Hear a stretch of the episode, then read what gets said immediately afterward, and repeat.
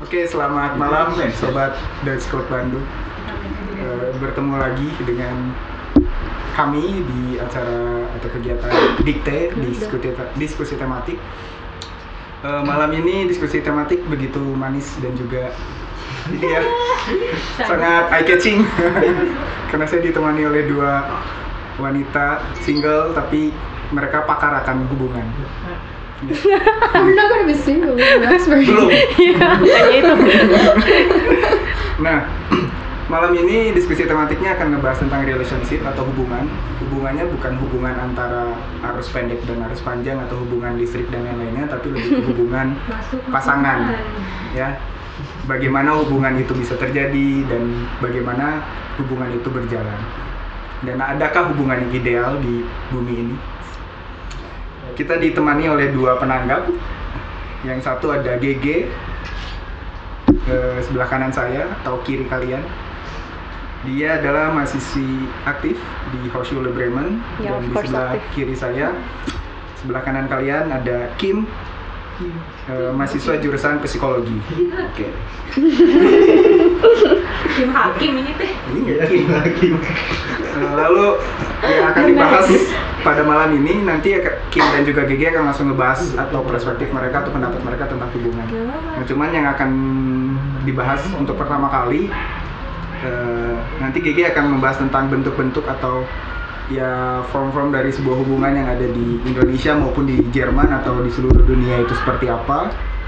Tapi ini based on ex- experience. yes. Jadi aku bukan aku nggak nggak terlalu tahu tentang teorinya dan itu bakal jelasin sama Kim. Jadi aku cuma jelasin apa yang pernah aku lihat, apa yang pernah aku alami aja. Benar, ya betul. Jadi Kim akan ngebahas tentang eh, ya bukan teoretikal tapi lebih kayak teori juga. ya. well, yeah, s- yeah, a bit of theory then how it makes sense. That's- Oke, kita langsung aja. Mungkin GG atau Kim juga mau langsung ngebahas tentang ya tadi misalkan GG aja dulu best experience GG menurut GG bentuk-bentuk hubungan itu seperti apa kayak misalkan yang kita ketahui di Indonesia mah kan ya ada pacaran, ada nikah atau hubungan tanpa status atau Oh status iya, tanpa TS. hubungan Status friends with tanpa- benefit dan lain-lainnya gitu. Iya. Nah, cuman kan yang mungkin pernah belajar bahasa Jerman ada juga yang disebut Zusammenleben atau living together dan ada bentuk lainnya nah ya based on experience saja. Bukan nyari yang ideal. Jadi lebih menjelaskan si hubungan pernikahan ya. Ya yang GG alami aja seperti apa. Terus nanti mungkin di langsung disanggah atau ditanggapi oleh Kim eh, perihal teorinya gitu. Kalau misalkan pernikahan atau pacaran itu seperti seperti ini. Jasa teori gitu. Nanti kan tetap dibahas lagi perihal experience-nya gitu. Silahkan. Em, jadi yang pertama hubungan yang menurut itu paling dasar gitu pacaran.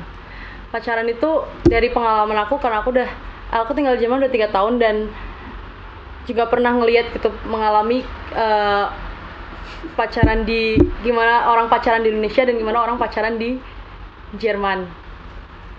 Em, yang aku lihat dari yang aku alami sendiri waktu aku pacaran waktu di Indonesia itu kayak buka em, pasangan kamu itu jadi kayak milik kamu you own this person. Jadi kadang-kadang kalau kamu pacaran gitu kamu nggak bisa melakukan hal yang biasanya kamu lakukan atau kamu lagi single. Kayak misalnya kamu main sama teman-teman kamu gitu. Nggak bisa gitu. Generally aja nih pasti ada orang juga yang nggak nggak menerapkan eh, hubungan yang seperti ini tapi generally kayak gitu. Yang aku lihat dan yang aku alami. Terus waktu di Jermannya dan dengan seorang Jerman ini em, waktu pacaran aku masih bisa melakukan apa yang aku lakuin aku lakuin dulu waktu aku masih single. Kayak keluar sama teman-teman minum di bar dan sebagainya. Itu yang eh, aku lihat perbedaannya di situ. Gimana kalau skip. Yang aku lihat situ sih kalau ya, aku pernah baca juga bahwa eh, hubungan yang di sebenarnya bukan di Indonesia tapi di Asia. Itu kalau pacaran tuh you own this other person. Padahal orang lain itu adalah they are their own person. dia punya dia punya ideologi sendiri dia punya eh, apa ya dia punya identitas sendiri gitu. Dan waktu kalian pacaran secara nggak langsung kayak menyamakan semuanya gitu. Dan itu eh, menurut aku gimana ya? Mungkin saling tidak nyaman. I would say um, mungkin gini. Jadi ada yang namanya teori needs. Itu dari Murray ya. Iya. Jadi teori needs itu uh, bentuknya kayak piramid gitu. Di sini ada physio physiogenic needs, which is like primary needs. Itu adalah makanan, minuman, terus juga ada security needs yang kedua itu ada stability, family, rumah dan sebagainya. Terus step yang ketiga itu ada Puncaknya. masuk ke uh, bukan bukan bukan yang ketiga puncaknya. baru yang ketiga itu itu masuk ke psycholo- psychological needs di situ ada affection and belongings. Nah di sini um, affection needs itu adalah kebutuhan untuk mencintai dan dicintai seseorang. Bersamaan dengan affection um, love needs itu juga ada belonging needs. Itu adalah rasa uh, memiliki Iya. kepemilikan. Nah mungkin yang tadi kamu bilang um, kalau di Asia itu ada orang yang uh, you don't feel like satu um, what do you say? Like nggak merasa kayak orang pacaran tuh harusnya dua masih dua orang yang berbeda masih punya ideologi masing-masing gitu dan nggak cuma orang pacaran tapi ada sampai satu orang yang ingin mengubah menyamakan, itu, iya, mengubah gitu. orang itu jadi seutuhnya seperti dia Iya. itu mungkin karena kebutuhan uh, belongingsnya dia tuh besar I really want to have you I don't want you to go away dan caranya adalah mungkin dengan um, menjadikan satu perspektif Iya. yang sama gitu because I want to have you that much and I want to have you 100% like that. Jadi uh, pada dasarnya itu adalah um, masuknya ke affection and belonging needs dan itu um, semua semua orang memiliki itu semua orang tapi hanya saja tingkatannya berbeda-beda dan um, spektrumnya lebih besar ke affection atau ke belongings itu juga beda. That's was. Hmm, ya aku lanjut aja aku mau Ya, bilang lanjut aja dulu. Nanti kalau ada yang mau aku tanggapi juga aku tanggapi langsung Oke. aku.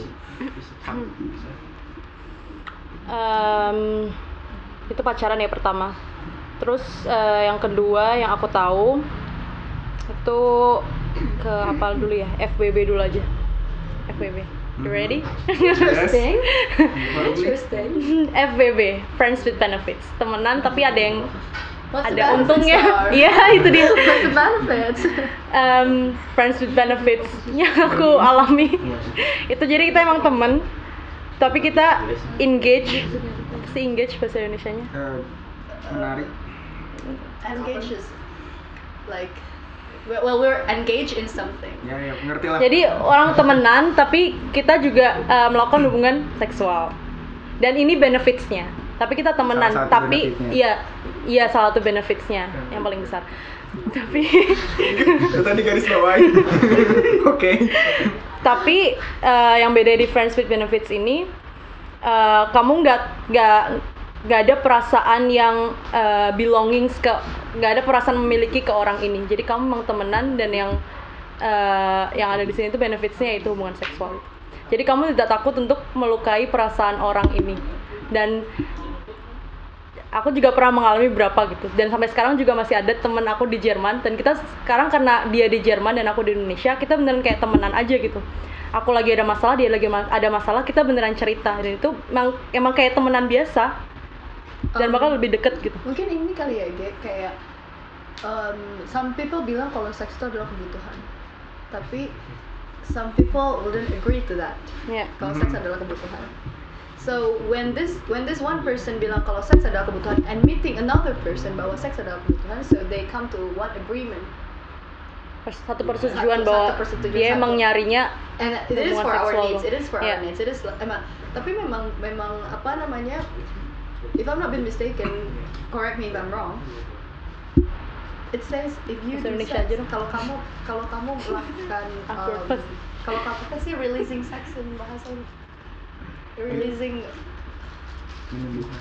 kalau kamu releasing sex you become a happier person and it says that you live longer. Release, ah karena karena iya kalau kalau yang aku baca kalau berhubungan seks tuh pasti kita ada kayak hormon endorfin hormon yang bikin senang gitu. Dan itu makanya kenapa dibilang seks itu kebutuhan. Iya. because you're gonna get a positive psychology. Pos, eh, apa? Happy hormones. Happy, hormones, hormones. Ya hormon menyenangkan. Berarti kalau misalkan FWB itu bisa memenuhi yang tadi piramid paling bawah. masuk atau bukan sebenarnya bukan fisik jatuhnya Eh, tetap tetap fisik, ke affectionist, tetap ke psikologi. ke psikologi karena kita maksudnya hormon ke- kebahagiaan Iya. tapi yang lain juga karena kita juga temenan juga masuk ke affectionist ini karena affectionate ini bukan berarti cuma pacaran doang tapi dari temenan pun kamu bisa dapat rasa eh, love belonging juga Iya. ke teman juga gitu Iya karena eh, kalian berdua tuh saling memenuhi emotional well-being, Em, eh, kesejahteraan emosi. ya Kalian berdua saling memenuhkan itu. Jadi pada dasarnya semua manusia balik lagi ke teori needs tadi, semua orang itu ingin memenuhi kebutuhannya. Dan orang punya background masing-masing, punya alasan masing-masing kenapa mereka tidak pacaran, kenapa mereka tidak menikah, kenapa mereka tidak jump into commitment relationship, mereka punya alasannya masing-masing, tapi mereka masih ingin memenuhi kebutuhan affection itu, Oke. psychogenic needs itu. Patut dicoba. jangan Memenuhi kebutuhan tadi kan itu juga Oh. salah satu teori needs tadi. Dan satu lagi kalau friends with benefits itu yang aku lihat nggak ada komitmen sama sekali antara dua orang ini Cocok untuk orang yang tidak ingin berkomitmen. betul sekali Tapi susah cari yang tadi sama-sama Di punya agreement yang sama. agreement yang iya Karena kayaknya di friends with benefits agreementnya adalah jangan baper. Iya, Ya. jadi ada limitnya itu jangan bawa perasaan. Dan perasaannya mungkin kayak ya udah kamu teman aku doang gitu. Dan kalau misalnya satu ya pengen stop ya udah stop tanpa ada bad feelings. Have you ever had a friends with benefits? Yes, I'm now in one. Oh yeah. Ya, tapi dia lagi di Jerman Mhm. Gitu. I can't do friends with benefits. Is it a friends or It's friends. or it's what? sex. I can't do that. Iya, jadi ya intinya kayak teman aja. Jadi karena sekarang nggak pernah ketemu ya jadi temen kayak aku sama kamu kita lagi Iya, iya, curhat-curhatan ya kayak gitu sekarang kita ngobrolnya ya curhat kalau ada masalah aku cerita ke dia dia ada masalah dia cerita ke aku Oh jadi ketika ketika maksud- maksudnya normal circumstances you guys just friends yang Yeah. bicara masalah semuanya. teman ya Oh, that's cool. really Bagus bisa. Catering. kenapa sih ngomong catering jadi sesuatu. Oke, eh, hubungan selain tadi kan baru disebut pacaran dan FWB gitu. Ada lagi nggak bentuk lain? Mau dengar yang ekstrim? eh, belum Oh, tunggu. Bentar dulu. Jangan dulu. Kayaknya ekstrim simpen terakhir. naik naik dulu bentar naik dulu bentar aku kalau yang HTS yang bilang hubungan status aku nggak tahu itu apa Hampir sama kayak kayak kok. tapi dengan perasaan Enggak juga, enggak juga. Tapi kayaknya hubungan tanpa status yang aku tahu kalau misalnya orang PDKT PDKT tapi nggak ditembak-tembak. Enggak Terus sih kayak itu jadi bingung gitu kita girlfriend boyfriend atau apa gitu. nah yang bedanya lagi Ya, kalau mungkin ngegantung kalau misalkan sampai ke situ. Enggak kok, beda lagi di Jerman tuh nggak ada yang namanya aku yang aku alami nggak ada namanya ditembak gitu nggak ada. Jadi Iya. lama-lama kamu bakal sadar gitu kalau aku di sini adalah sebagai pacar kamu dan kamu adalah sebagai How? pacar aku. Mereka agreement bukan Telepati gitu. agreement gitu, persetujuan bukan How do kamu you, ya gimana persetujuannya? Kamu ob- itu makan waktu yang lama sih nggak bisa kamu langsung aku pacarmu kamu pacar aku tuh nggak bisa. Jadi nunggu nunggu waktu. You con- kamu bakal kamu bakal mikir kalau kamu pacar dia setelah kalimat I love you nggak? Kalau aku iya, I love you itu aku cinta kamu itu kata-kata yang sangat berat dan aku kalau misalnya baru kenal orang beberapa bulan dan dia udah ngomong I love you aku kayak not now gitu. Itu itu kata yang sangat berat gitu dan Tapi itu interest, that's jangan interesting. jangan membawa dia tuh kata aku sayang kamu tuh membawa banyak tekanan gitu loh. You know? That's interesting karena aku tipe orang yang kalau misalnya a person say I love you to me, aku nggak consider that we are in a relationship just because you said I love you. Because for me, I love you is a word that express your feelings. You can love your No. friends, you can love so what is Yeah. I love Enggak, you? So enggak. I need like Kalau kalau di culture-nya gitu. kalau di culture-nya di Jerman aku lihat ada dua kata ich liebe dich sama ich hab dich lieb. and what is ishtah? ich hab dich lieb itu kayak aku sayang sama kamu. Kayak aku sayang sama kamu, Mel. Kamu teman aku, kamu sahabat aku di sini di Indonesia. Aku sayang sama kamu. Tapi kalau ngomong sama cowok yang aku ich liebe dich itu ich liebe dich itu udah kata-kata yang berat banget yang bawa banyak tekanan. Kita harus punya kata itu ya di Indonesia biar jelas dich lieb ya. Iya enggak, Iya. Mas? Aku sayang Ya, kamu. ya, ya, udah. Kamu kan Iya kan, Mas? ada dua. Oh di Jepang ada dua. Apa? Aishi Tero, sama Aishi anjing. Sukida kayak Ishmak Dish, aku suka kamu. Suka doang. Suka kan ada Dish, yang ini IC Dish itu Lip. yang berat. Jadi ada ada tiga, aku suka Aku kamu, sayang aku sayang kamu, dan aku cinta kamu. tapi aku sayang aku sayang kamu sama aku cinta kamu aku ngeliatnya kayak dia di Sama kan? Iya. Nah, Makanya sayembara aja siapa tahu penonton ada yang punya ungkapan atau kata yang cocok untuk padanan kata yang cocok untuk Jadi Ish- dislip. Ishab Dislip tuh juga ya kamu sayang tapi penek- tekanan yang datang dari kata itu druk apa druk, eh, tekanan kan? Tekanan dari, dari kata itu tuh lebih rendah daripada kamu ngomong Ishab Dislip ah Oh. Ishli Bedish Bahasa Sunda ada yang tahu nggak bedanya abinya ah ka anjen sama abi? Eh, resep. Resep sarang nyaah beda. Bogoh bogoh sama nyaah beda nggak? Ya aku bohong apa punya beda. lebih berat mana Bogo tuh apa? Nyaah Chan? bogoh suka. Suka. kayak love Nah, itu sama. Abi nyaah sama nyaah tuh sayang. Bukan halus sama kasar ya itu? Bogo itu suka. Bogo itu. Suka. ya kalau udah gitu ya. Nanti berarti kita cari padanan kata yang cocok untuk ihab dihlip Nah Ya. kalau si HTS tadi sih ya memang hampir yang kata ya kata Kim tadi memang ada ada satu eh dua satu pasangan yang mau jadi cuman nggak jadi-jadi dan akhirnya mereka jalan aja tanpa status yang jelas gitu. Bisa sampai ke situ cuman sekarang mungkin pergeseran maknanya lebih ke yang tadi FWB karena untuk jadi satu pasangan dalam ikatan status itu ada diskusi? Ya nah itu Mel cara orang jadi pacaran waktu yang aku lihat di sana itu mereka diskusi what are we biasanya ada yang nanya gitu what are we? Oh, oke. Kita tuh apa tapi ya mungkin itu kali yang mesti HTS di sini gitu. Tapi kalau menurut mereka itu proses untuk jadi kamu punya status kamu pacar aku dan kamu aku pacar kamu. Awalnya ya aku tuh nggak mikir kalau status tuh penting. If you, just don't lie to yourself don't lie to your feelings. If you love me and I love you then we're together. Mhm. jadi selama aku punya hubungan aku pernah punya hubungan 6 tahun. Dan selama hubungan 6 tahun itu nggak sempat lah ya di awal-awal itu kayak nembak-tembakan Hmm. terus putus. Terus ketika kita udah makin dewasa gitu ya kita jalan, Jalan, gitu aja iya. karena kita we're not lying to each other. Uh, I love you you love me kita bareng-bareng. Tapi ada suatu masalah di mana cause nanti kita akan bahas itu. I'm not into open relationship. Oke dan tiba-tiba dia loncat ke sana and then it makes me confused. Tapi di sisi lain juga akhirnya status itu penting karena bukan status sih tapi kayak perjanjian, Perjanjian, persetujuan ya. gitu. Komitmen. limit limitnya ma- di sampai mana. Ya.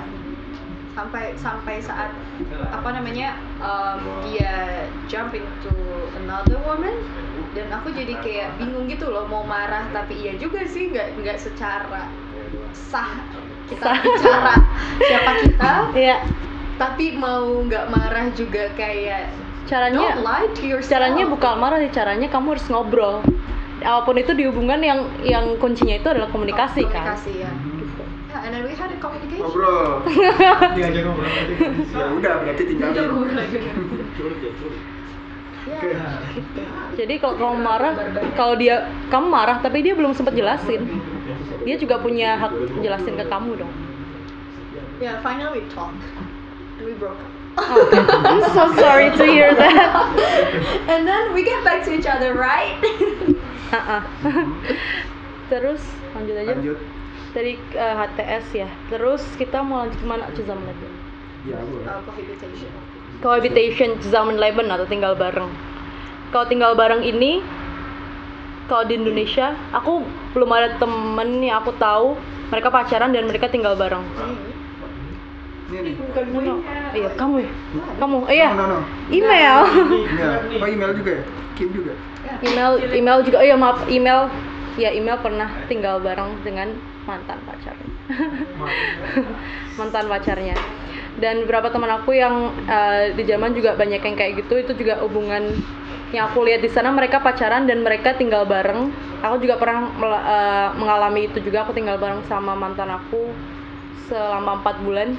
Dan yang menariknya dari hubungan ini kita pacaran karena tinggal bareng kalau kamu tinggal sama orang kalau kamu pengen tahu nggak kalau kamu pengen tahu gimana orang ini sebenarnya tinggallah di selama dia sama dia selama tiga bulan Ya. Langsung ketahuan semua. Kalau kurang dari tiga bulan, valid nggak? itu teorinya sih. Teorinya kayak gitu tiga bulan. Tapi emang kayak gitu setelah tiga bulan tawan semuanya. Baik-baiknya bagus-bagusnya. bertahannya? dua tahun. dua tahun. Dua tahun. Oke That- that's interesting ya. Jadi kalau di masalah psikologi itu ada yang namanya infatuation nah jadi aku tuh selalu percaya kalau misalnya hubungan selama dua tahun itu itu sebenarnya bukan love yang sebenarnya. Walaupun kamu ngomong I love you dan sebagainya dan kamu memang merasakan perasaan sayang dan perasaan cinta itu tapi sebenarnya itu belum tahap belum tahap love tapi itu tahap infatuation. Infatuation tuh bahasa Indonesia apa? I don't know what is it in bahasa Indonesia. Sini aku cari dulu. infatuation. Invest. apa? Infa- infatuation infa- infatuation In- apa men infatuasi? Adakah nggak infatuasi bahasa Indonesia? Kegila-gilaan. Gila-gilaan. jadi kayak Oh, Oh, obsession. obsession, Obsession. ya, ya, obsession ya. Tapi ketika ketika sa- sampai 2 tahun itu hormonnya dia yang endorphin, oxytocin, and everything itu masih ada. Nah setelah dari 2 tahun itu, itu bukan hormon itu lagi, hormon itu udah nggak bekerja lagi lah kasarnya, tapi udah mulai ke Beneran yang cinta. sebenarnya intuitions Oh. and feelings and everything yang sebenarnya.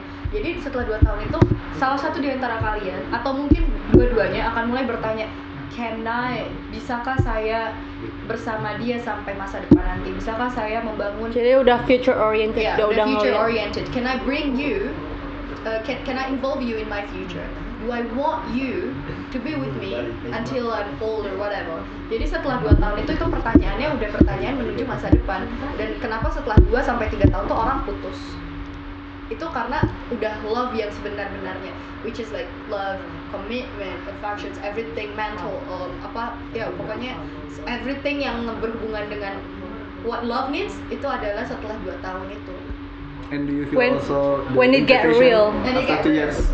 After you two have years? the relationship is more than two years, six years. oh ya And you feel same Bahasa Indonesia aja dong. Iya. Uh, selama enam tahun itu kebetulan saya masih usia 13 sampai 19 tahun Oh, jadi belum belum future oriented. belum sangat belum future oriented tapi hubungan saya yang kemarin itu um, dua tahun dan setelah dua tahun aku pun mulai berpikir kalau aku nggak bisa nggak bisa sama dia True though. Juga sempat pikir kayak gitu. aku mikir kayak diri aku yang jadi selama dua tahun itu aku menyesuaikan aku ya that that hormones works so hard terus em, setelah itu aku mulai berpikir kayaknya aku nggak bisa deh sama ini orang sampai maksudnya dia orang baik ya tapi aku pikir em, aku tidak akan memenu aku tidak akan mencapai kebahagiaan itu gitu loh kalau sama dia ke masa depan. Karena mungkin kita punya ideologi dan sebagainya macam yang berbeda. Begitupun dengan dia ke aku. Itu penting nanti kita bahas juga masalah perbedaan ideologi sampai ke ya, yang ngebuat orang mau pedi- meditation atau assessment label tuh apa sih sebenarnya maksudnya? Yang mau bikin tuzam, eh, yang pengen bikin eh, gimana sih ngomongnya? Yang bikin orang pengen tinggal bareng. Pertama karena yaitu hormonnya itu aku pengen sama kamu terus. Pertanyaannya pasti gitu. Jadi angle yang berbeda. Terus apalagi kenapa kalau em, pengalamanku yang aku tinggal di Jerman karena biar nurunin harga mite tuh Sewa. sewa harga sewa harga sewa. Karena kalau aku nyewa kamar gede satu buat satu orang mahal. Diisi dua orang jadi lebih murah. Kadang itu juga hal atau alasan juga gitu kenapa orang tinggal bareng. Bagus tuh. alasannya bagus sih. Sangat sangat cocok untuk anak kuliah Iya. tapi ada juga yang kalau eh, gimana ya udah berkomitmen aja gitu Hmm, untuk tinggal bareng. Karena yang namanya tinggal bareng ya kamu bakal ngeliat dia setiap hari. Bakal ngelakuin semuanya bareng gitu kecuali waktu kuliah atau waktu kerjanya. Nah itu menurut aku nggak bisa kok kalian nggak nggak cocok satu sama lain untuk tinggal bareng itu. Tapi kalau ini cohabitation itu pada dasarnya em, itu starting di 1970 ya Iya, 1970 -an di 1970. Amerika. Dan- itu open relationship kali itu Mel Wah, 1970 hmm, itu open relationship mau lihat nggak nih? Oh iya, yeah, it's open relationship. terus Sure, nomor sure. 10 Sorry. But ya pada dasarnya itu cohabitation atau tinggal bareng atau partner civil partnership itu um, itu tuh apa ya sekarang udah jadi semacam tradisi juga di Amerika. Jadi untuk yang adults ketika mereka pacaran inti dari pacaran mereka itu adalah tinggal bareng. Nah kenapa mereka mem- memilih untuk tinggal bareng itu? Karena em, mereka ingin mencapai emotional well-being yang yang seutuhnya lah kasarnya kayak gitu. Sekarang kalau misalnya mereka masih tinggal berpisah segala macam yang tadi kamu bilang pengen ketemu terus dan sebagainya dan mereka ingin memenuhi emotional well-being yang mereka ingin capai itu adalah tinggal bareng. tapi juga aku ngeliat juga dengan tinggal bareng ini kamu bisa kayak ngetes gitu orang ini bisa nggak sih diajak uh, future orientednya gitu Ya. buat tinggal bareng itu karena emang ketahuan banget langsung ketahuan Iya, iya, karena beda kalau kamu tinggal masih pisah kamu nggak tahu dia di rumah kayak gimana gitu kelakuannya dia kalau mau tidur gimana ngeselin nggak Iya, benar. ada True, true. itu details itu hal kecil tapi itu penting Ya, like I can't, aku nggak bisa tidur kalau pintu toilet kamar mandinya nggak Pintu ditutup toilet kebuka aku nggak bisa tidur sama sekali. And if. I have a partner yang butuh pintu toilet kebuka tiap malam, no man, we're gonna have a separate bathroom. juga kalau misalnya tidur satunya harus nyalain lampu satunya harus matiin lampu I can't do that. Satunya tutupan selimut. Iya, aku panas Kamu mati lampu. kan? mati lampu And that's why we're good. Fun. aku juga mati lampu Oke. oke oke itu kenyataannya ya? Boleh boleh deh boleh sok.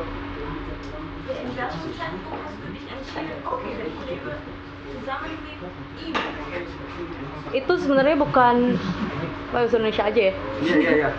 Itu sebenarnya eh, keputusan ini bukan karena yang masa emosional juga itu pasti ada. Tapi yang yang paling besar itu alasannya karena dia udah selesai STK udah selesai student collect dan aku udah udah punya rumah sendiri di kota Bremen ini dan dia nggak tahu mau pindah ke mana. Jadi akhirnya kita akhirnya memutuskan untuk pindah rumah bareng dan kebetulan dapat rumahnya empat kamar diisi buat empat orang dan masih kurang satu orang. Daripada aku cari orang susah aku langsung ngajak dia aja ke Bremen dan aku ajak dia buat kuliah di Bremen juga jadi itu kayak nggak sengaja tapi aku juga mau gitu tinggal sama dia. Karena sebelumnya kita pacarannya beda kota.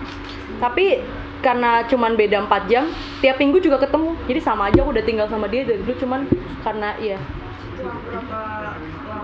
Setelah berapa lamanya itu eh, berarti udah satu setengah satu setengah tahun pacaran. Jadi satu setengah tahun itu kita beda kota selalu beda kota. Tapi saya selalu saling mengunjungi seminggu sekali itu nggak mungkin enggak gitu It's a shame.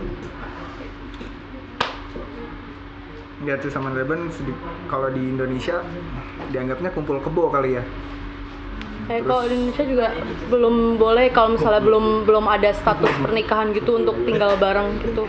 apalagi rumornya tahun depan mau ada uji kompetensi pernikahan Apa itu? jadi yang mau nikah harus uji kompetensi dulu layak menikah atau tidak Tapi itu kalau nggak layak remedial tapi terus aja remedial nggak nikah nikah tapi kalau di agama Katolik itu udah ada dari dulu.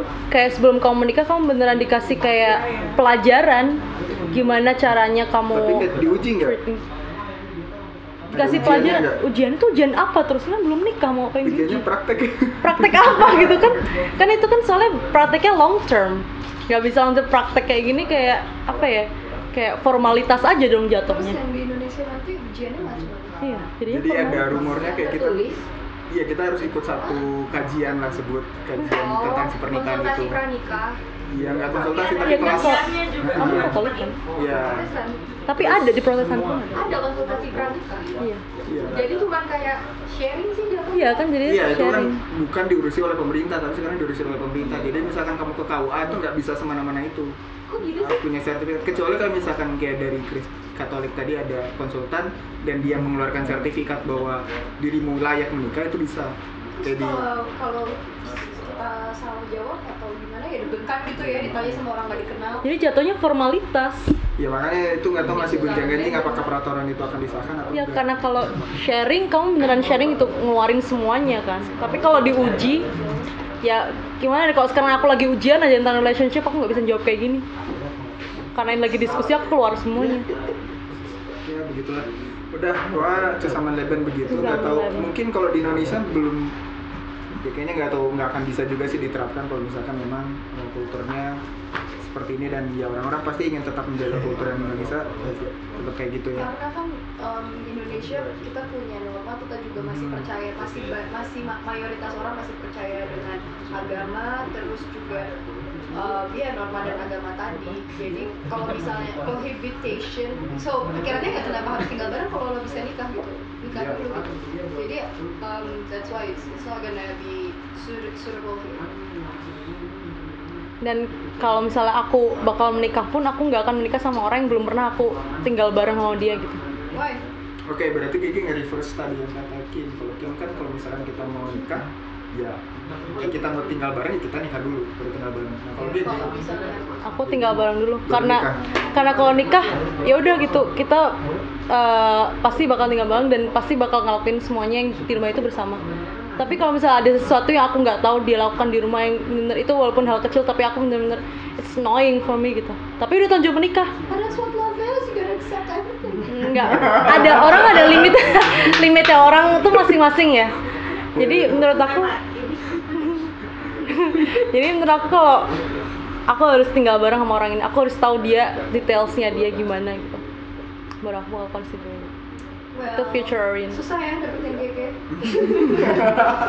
Eh, dia orang yang sangat detail udah Jerman banget oke Enggak, tanya. masih mau lanjut ya?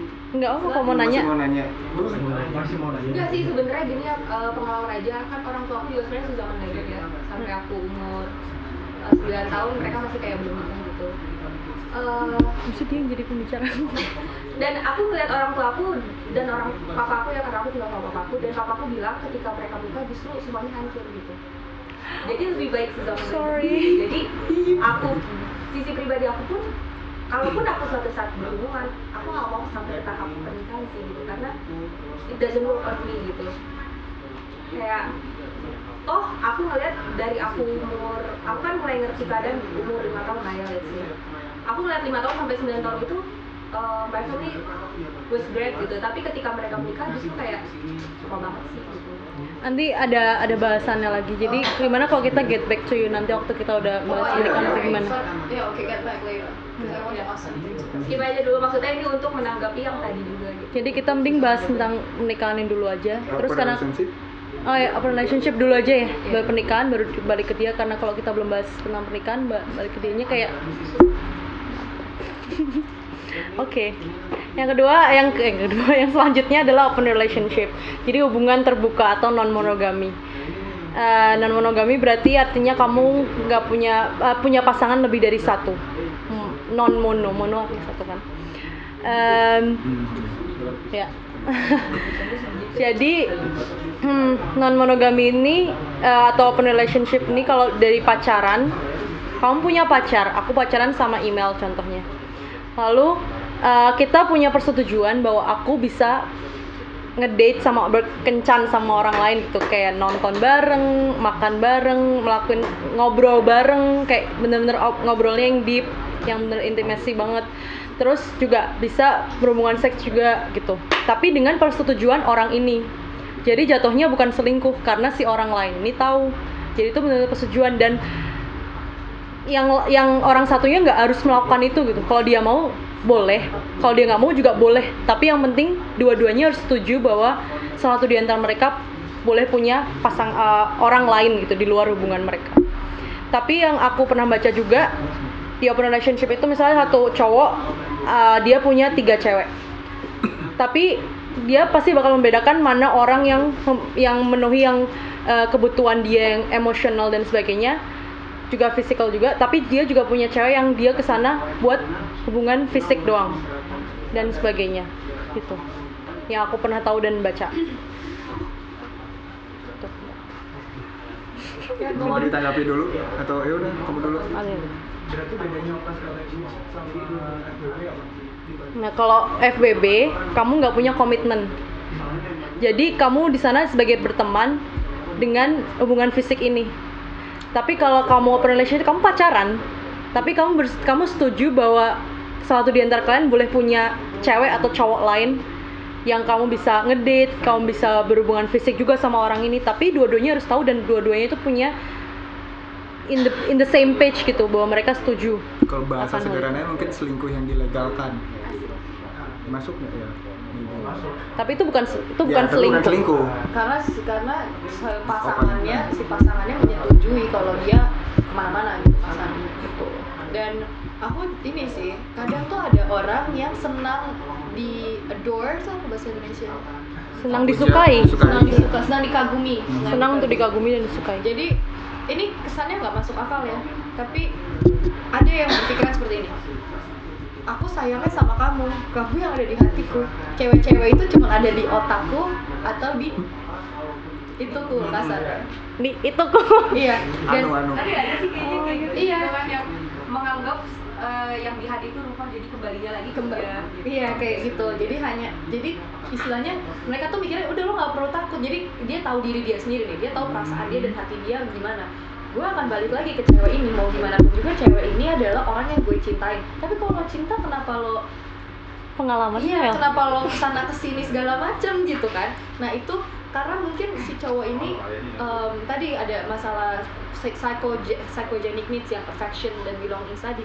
Nah affections itu bukan hanya perasaan disayangi dan dicintai juga tapi adalah dia oh iya dan eh, dia juga apa namanya rasa ingin eh, rasa apa kayak rasa ingin disayang rasa ingin ter- rasa ingin terus disayang rasa ingin terus disuckerance rasa ingin terus dilindungi rasa ingin terus dibantu. Tapi eh, rasanya apa dia punya level tinggi dan dia pengen ada orang lain lagi yang melakukan itu ke dia gitu loh.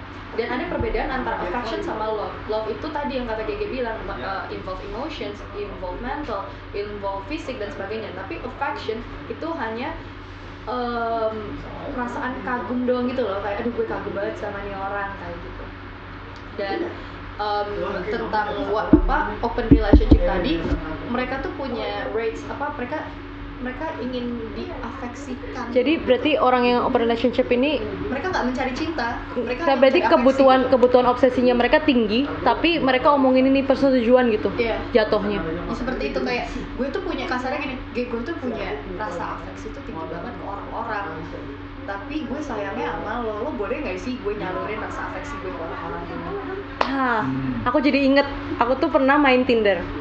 Terus pernah udah sekarang udah nggak lagi. Terus aku nemu ini pasangan pasangannya dia ini eh, pasangan ini tuh dia nulis di Tindernya kita punya banyak sekali cinta untuk dis- disebarkan. Jadi kita butuh satu orang cewek di mana kita bisa ngasih cinta kami berdua ini untuk orang ini. Jadi mereka nggak nyebutin hubungan physical atau apa pun. Mereka cuma bilang kita punya cinta yang banyak. We have a lot of love to give, to share. Mereka ngomongnya gitu. Dan aku aku bingung maksudnya tuh apa gitu. Aku nggak- aku nggak nge-swipe mereka karena aku maksudnya apa? A lot of love tuh kamu maunya apa gitu sama si si orang ini yang kamu cari gitu. Iya. Emang ada juga orang yang cuma nyari orang ketiga doang untuk hubungan fisik itu jelas gitu nyarinya apa karena mereka mungkin mau spicing up or something tapi kalau ngomong we have a love a lot of love to share aku nggak tahu maksudnya gimana sih mal maksudnya mereka That's just bullshit, I say. But then, by the meaning we have love to share, I would uh, kayaknya lebih tepatnya we have so much affection to share. Karena love itu tadi love itu besar banget ada rumus cinta di dalam kata love itu ada rumusnya ada komitmen di dalamnya.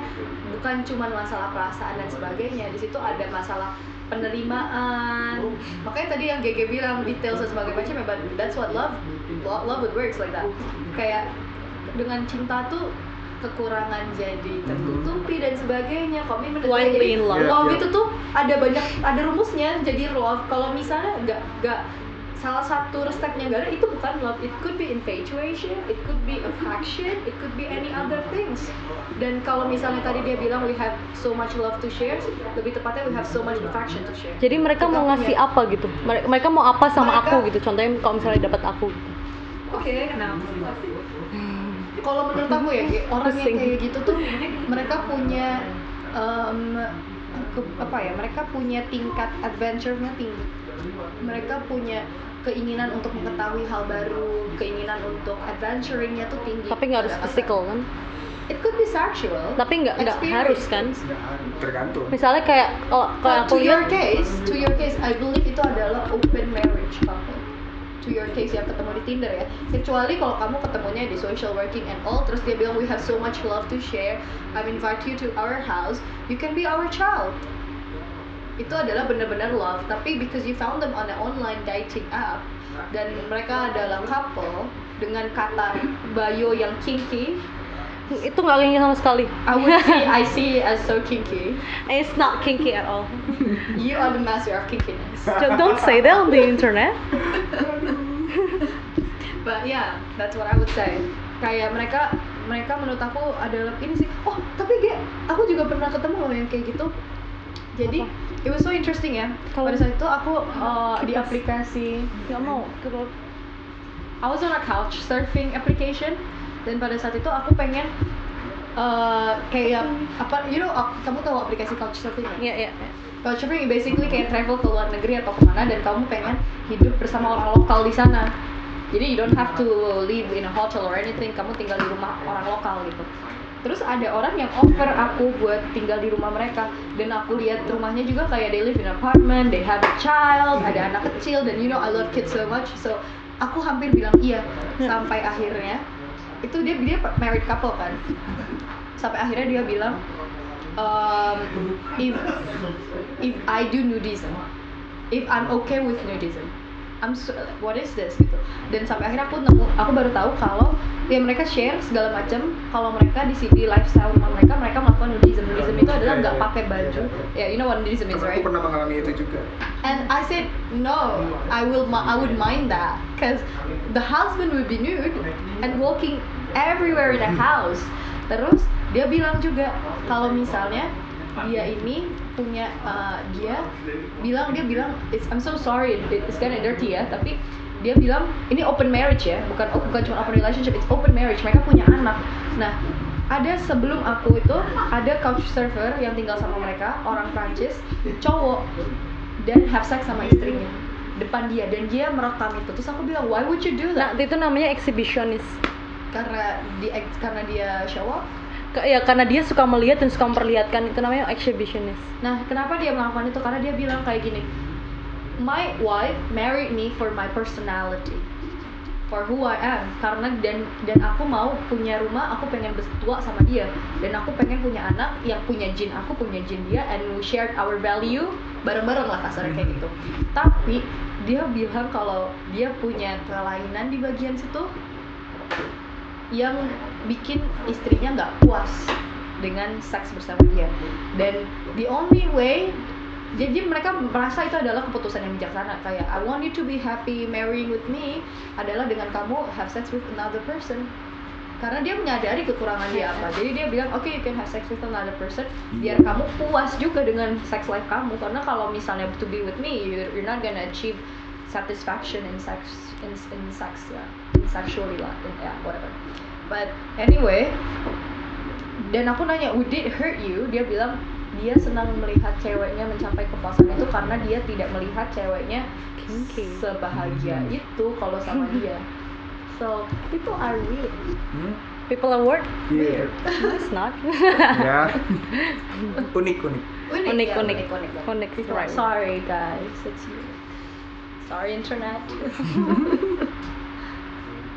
Eh, lanjut ke open marriage untuk pernikahan open marriage tuh yang udah another level lagi Ketahuan ya dari posisi Instagramnya di situ ketahuan ya.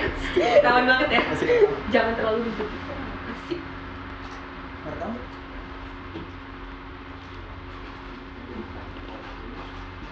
please kerekam dong ngulang lagi lanjut aja. Jadi lanjutnya adalah open open marriage. Open marriage itu ya kayak open relationship tapi kalau open relationship tuh lebih ke pacaran yang aku tahu. Tapi kalau open marriage ya kamu menikah sama orang ini tapi basicnya sama aja gitu. Kamu dengan persetujuan kamu bisa dating orang lain. Iya. Cuman- mau itu emotional mau itu physical Cuman eh, ini ya, kalau aku mau bilang kalau untuk di Indonesia dan sebagainya, karena kenapa aku menekankan di Indonesia karena ya kita eh, masih kekurangan sex education. true betul betul Jadi jangan kalian oh open marriage, open relationship is a thing, let's do it. Open relationship is not that easy though. Kayak Iya. kalian perlu cek HIV tiap berapa bulan. Betul, Kalian harus benar-benar peduli dengan um, aware dengan siapa aja kalian melakukan. Kalian harus punya track juga kayak catat nama-nama siapa yang kalian ini karena how could you kalau misalnya kalian pregnant gimana? Kalau misalnya kalian dapat STD gimana? Dan sebagainya gitu loh. Jadi open relationship is not just oh it's so fun it's so young it's it's a thing now let's just do it. You agree? I agree. No it's not that. Kalian juga butuh pengetahuan yang cukup untuk mau loncat ke arah sana gitu loh. Sebenarnya itu buat semuanya juga sih mak. Iya. tapi yang untuk ini karena ini terms baru gitu. Iya. dan aku belum aku nggak tahu open marriage sih. Aku nggak pernah tahu siapa. Kamu pernah tahu other than that cultures guys orang Indonesia. Aku juga belum pernah tahu open marriage. Agak jarang ya. Iya dan itu butuh disku- pasti butuh diskusi panjang juga sih. Dulu aku pernah sama ngedate sama cowok yang ternyata dia punya pacar. Aku kaget banget ternyata mereka op- lagi open relationship. Dan itu mereka baru nentuin karena si pacarnya ini lagi eh, kuliah di luar negeri dan mereka nggak akan ketemu selama beberapa bulan.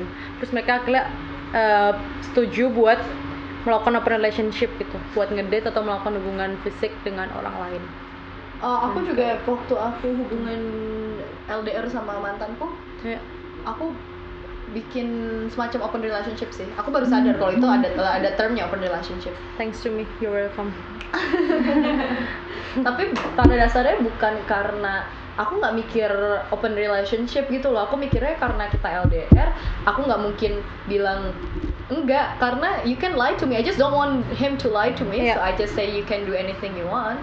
Nah, bedanya dari open relationship sama apa yang kamu alami ini tuh, kamu belum pernah ngomongin tentang itu. Pernah nggak ngomongin tentang itu? No, we don't Nah. we don't say kamu bisa ketemu siapa, aku bisa ketemu siapa. Tapi Nah. aku hanya mengizinkan dia hanya untuk mencegah dari bohong doang. Berarti basicnya udah salah dulu kan ini? Berarti dasarnya gitu. Dan kamu ngerasa sakit hati nggak waktu dia ngelakuin itu? Eh, iya aku sakit sedih gitu ya tapi Sedih. karena dia jujur ngomongnya jadi I appreciate the honesty and that's the point though Mhm. the pointnya itu adalah ya aku nggak mau dibohongin. Aku maunya dia jujur. Tapi sebenarnya kamu nggak mau dia kayak gitu kan? ya. Nah, bedanya because di- I don't do that to him. Nah, and I'm like bedanya- why would you do that to me? Sabar sabar. Jadi bedanya kalau open relationship ini dua-duanya setuju bahwa Iya. nggak harus dua-duanya ngelakuin itu gitu kalau misalnya kita pacaran nggak harus kamu punya pacar eh, kamu ngedate sama lain aku ngedate sama lain. Bisa aja cuma aku doang. Tapi kamu setuju dan kamu nggak boleh punya hurt feeling tentang Ya, itu gitu. ya itu. Itu. Mungkin bedanya. konsep open relationship pernah terjadi di Indonesia gitu. Dan itu sangat sering sih maksudnya dalam bentuk kalau misalkan kalau kita compare sama yang di luar negeri mungkin eh, apa namanya open relationshipnya lebih ke hubungan seks dan Hmm.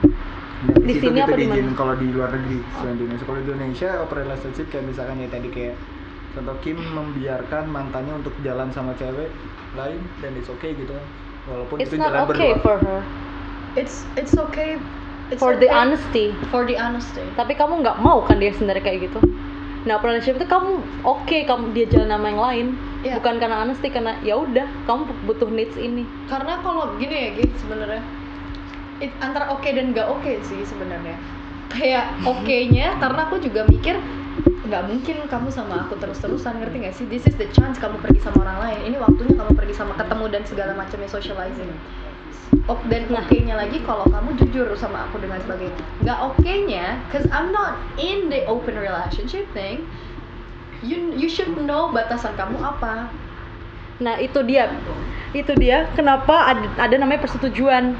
Jadi ada juga open relationship yang kamu nggak boleh hubungan fisik sama yang lain, kamu bolehnya ngedate, ngomong, eh, nonton dan sebagainya itu ada juga. Iya. Jadi Ah, ada limitnya iya. persetujuannya itu. itu mungkin itu aku terjadi di Indonesia Jadi Karena- kenapa butuh itu? karena ini karena gini ya kenapa aku nggak mau sampai sampai ke arah membebaskan 100% karena balik lagi kita nggak tahu itu cewek bersih atau enggak kita nggak tahu perempuan itu sehat atau enggak gitu loh dan kita nggak tahu juga pasangan kita melakukan sama siapa gitu loh dan nanti balik lagi ke aku dan I'm fucked Ya. Ya. Ba- ya, ba- ya emang intinya kata satu kata di relationship itu cuma satu persetujuan aja. Nah persetujuan tuh kalau kamu misalnya kamu jalan lain, kamu harus ngomong juga sama aku gitu.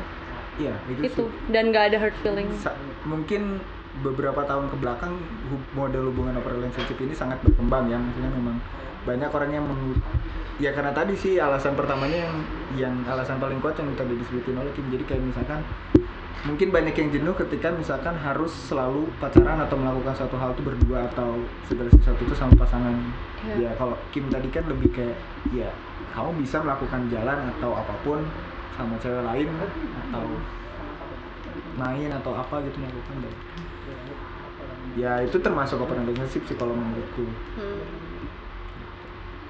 sekarang berarti ke Married. marriage yang agak Ha, marriage. kita belum ada yang menikah di sini dan kita ngomongin nikah Iya, yang ke mau menikah yang selanjutnya adalah pernikahan. Oke. Karena kita pacaran aja enggak gitu, sekarang ngomongin nikah. Mhm. Gimana Mel? sesuai statistik aja mungkin nggak sesuai data yang Jadi mungkin punya kalau- dan experience ya aku ya. Ini teman-teman aku kita mungkin aku eh, dari dari ideologiku sendiri dulu aja ya. Yang menurut aku membedakan pernikahan sama enggak menikah kayak di zaman Leben gitu. Pertama menyamakan sama-sama ada komitmennya. Kalau kamu kamu nggak perlu menikah buat punya komitmen. Jadi yang membedakan itu cuman kertas dan tanda tangan di atas Oke. itu. Jadi intinya kamu nggak perlu menikah untuk punya komitmen sama satu orang atau beberapa orangnya. Kalau aku, Oke. I wanna get married. Tapi kenapa aku pengen, misalnya walaupun aku udah choose Labin atau misalnya aku udah cohabitation whatever it is, kenapa aku masih pengen menikah? Itu karena yang tadi aku sempet mention juga, Ge. Aku pengen em, kita go to another level dari Nah. apresiasi hubungan kita, terus em, komitmen dari hubungan kita, stabilitas hubungan kita. I want to go to another level. yang dimas- yang kamu maksud di sini another level tuh apalagi yang kamu butuhkan dari komitmen dari orang ini apalagi gitu Marriage is not just about living together ya. aku nggak aku nggak ngomongin living together aku ngomongin Pernikahan. apa? komitmen komitmen. komitmen apa yang apa apalagi yang kamu butuhkan dari komitmen gitu Sekarang gini, kalau misalnya menikah, menikah itu tuh kayak kamu di hadapan Tuhan. Kayak kamu bener-bener istilahnya menyatukan dua keluarga. Kalau misalnya tinggal bareng, ya itu udah aku udah sama kamu aja udah segitu, segitu gitu loh. And then kita komitmen. Tapi ini tuh kita involve banyak orang istilahnya keluarga dipertemukan. itu ini tradisi Asia tradisi ya Asia. ya Eh, keluarga dipertemukan terus kita bicara hadap dia berani bicara di hadapan Tuhan berjanji di hadapan Tuhan. Itu menurut aku komitmen ko- eh, dia take Lebih commitment besar to gitu. another level iya. Terus lebih menurut kamu lebih serius gitu?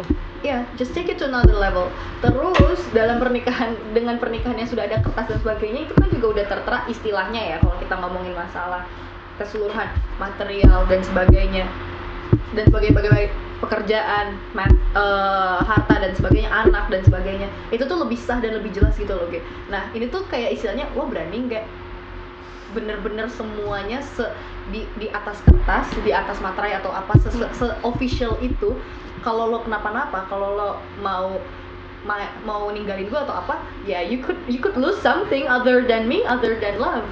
You could lose your house, you could Jadi- lose everything. jadi bisa aja orang yang menikah dia udah nggak tahan nih tapi nggak ninggalin cuman karena si embel-embelnya itu Itu- malah lebih menyiksa nggak sih ada orang I, know someone yang Iya. kayak gitu.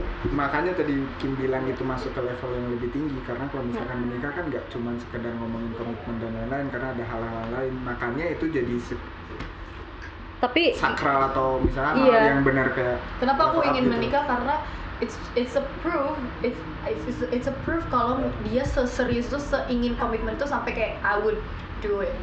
I would go out of my way to do it you know? Tapi kalau misalnya masalah ada masalah berantem atau apa dan sebagainya menurut aku itu mas ujian ujian dari pernikahan ya.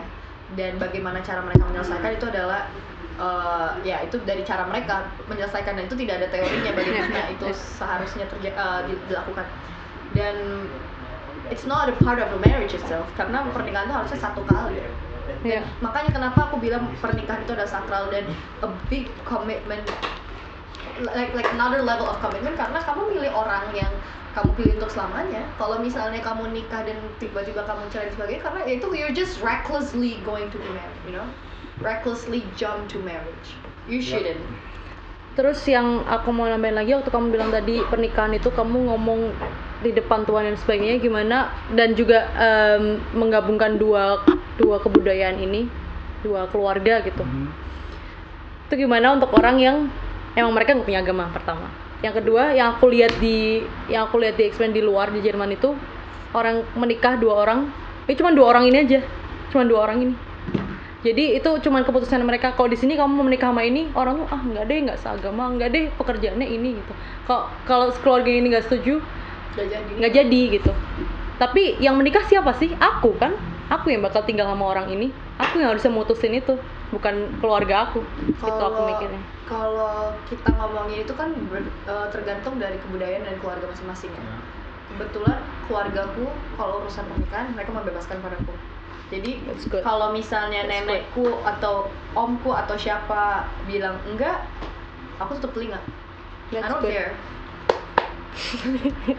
Tapi karena aku juga tipe orang yang kayak percaya kata ibu gitu, jadi kalau misalnya mama aku bilang enggak, aku bilang enggak, tapi I have no reasons, cause just my mom say no. Oke. Nah. Nah, I can't, I, just because my mom said no, so I would say no. jadi kalau kamu misalnya udah punya calon nih, sayang banget, tapi emang bilang enggak ah, nggak bisa sama orang I itu. can talk dulu sama dia. Hmm. I have to talk first Sama ibu. Mencoba. sama mama, ya ngobrol dulu kan, karena kayaknya aku cinta banget kan sama dia. Eh, iya, iya. Tapi kalau mamaku udah bilang perasaan, intuisi, ya I kind of believe in that kind of things. I believe Tapi- in what my mom say. Tapi ya misalnya ini jadi kepanjangan. Lanjut ya. Iya, nggak apa-apa. Jadi kalau Tapi nanti kabarin kalau misalkan udah countdown mau habis ya. Jadi nanti kita pause dulu. Nanti ada jadi kalau si dia mau apa sih? nenek, ibu. Ibunya udah punya intuisi. intuisi kalau cowok ini kayak nggak deh sama kamu. Tapi kamu juga punya intuisi. Cowok ini perfect banget buat aku. Mana yang kamu lebih percaya? Intuisimu apa intuisi Karena aku ibumu? percaya, masih percaya Tuhan ya. Sorry, Ge. Maaf Terus ya, close Ge. kalau gitu. Udahlah, nggak usah lanjut. Masih percaya Tuhan dan percaya agama ya. Ya sholat malam. Email. Kok tahu jawabannya? Itu jawabannya dapat dari mana ya? Turun. Nanti nanti ada email deh, ada email. Email ke email. Email hitam dan putih berargumen. Oke, ya. Itu Kalau udah ngomongin ya. agama mah ya udah maksudnya semua ada jawabannya. No, it's not. Oke. Gak bisa, bukan gak bisa dilawan ya udah itu mah bukan Bukan bukan hal yang sesuatu bisa yang harus didebati. Iya. Gitu. Debatkan, Aha. debati. Lanjut jadi Lanjut. jadi gimana? Lanjutnya Ya lagi. kalau misalkan eh, ya hubungan sih yang yang ngebedain kalau pandanganku yang ngebedain antara orang luar negeri dengan Asia kayak tadi kan Asia mah ada gonogini, bebet bebet bobot bobot dan lainnya gitu dari pihak keluarga. Sedangkan di luar negeri itu cuman ya dua orang pergi langsung ke KUA atau apalah di sana untuk administrasi pernikahannya dan bisa langsung gitu. Itu lebih Hmm. lebih ke selain komitmen ya tanggung jawab dari dia gitu. Karena ya entah dari salah satu dari pasangannya mungkin meminta tanggung jawab yang lebih ketimbang open relationship gitu atau ketimbang cohabitation gitu kan kalau ini ada komitmen tapi kasarnya komitmen ini pun bisa di cut gitu Oh. ketika Karena tidak ada Ya. ini atau Ya. sebagainya. Oh, dan juga mau nambahin. Jadi kalau di Jerman kalau kamu menikah, kamu bayar pajaknya turun banget, banget, banget, banget. Dan teman aku ada yang mereka udah pacaran baru setahun dan dia ke Indonesia sekarang. Waktu mau balik nanti semester 7 mereka mau menikah. Karena apa? Karena biar si cowoknya ini udah kerja. Orang mana? Orang Indonesia sama orang Jerman. Cowoknya ini udah kerja.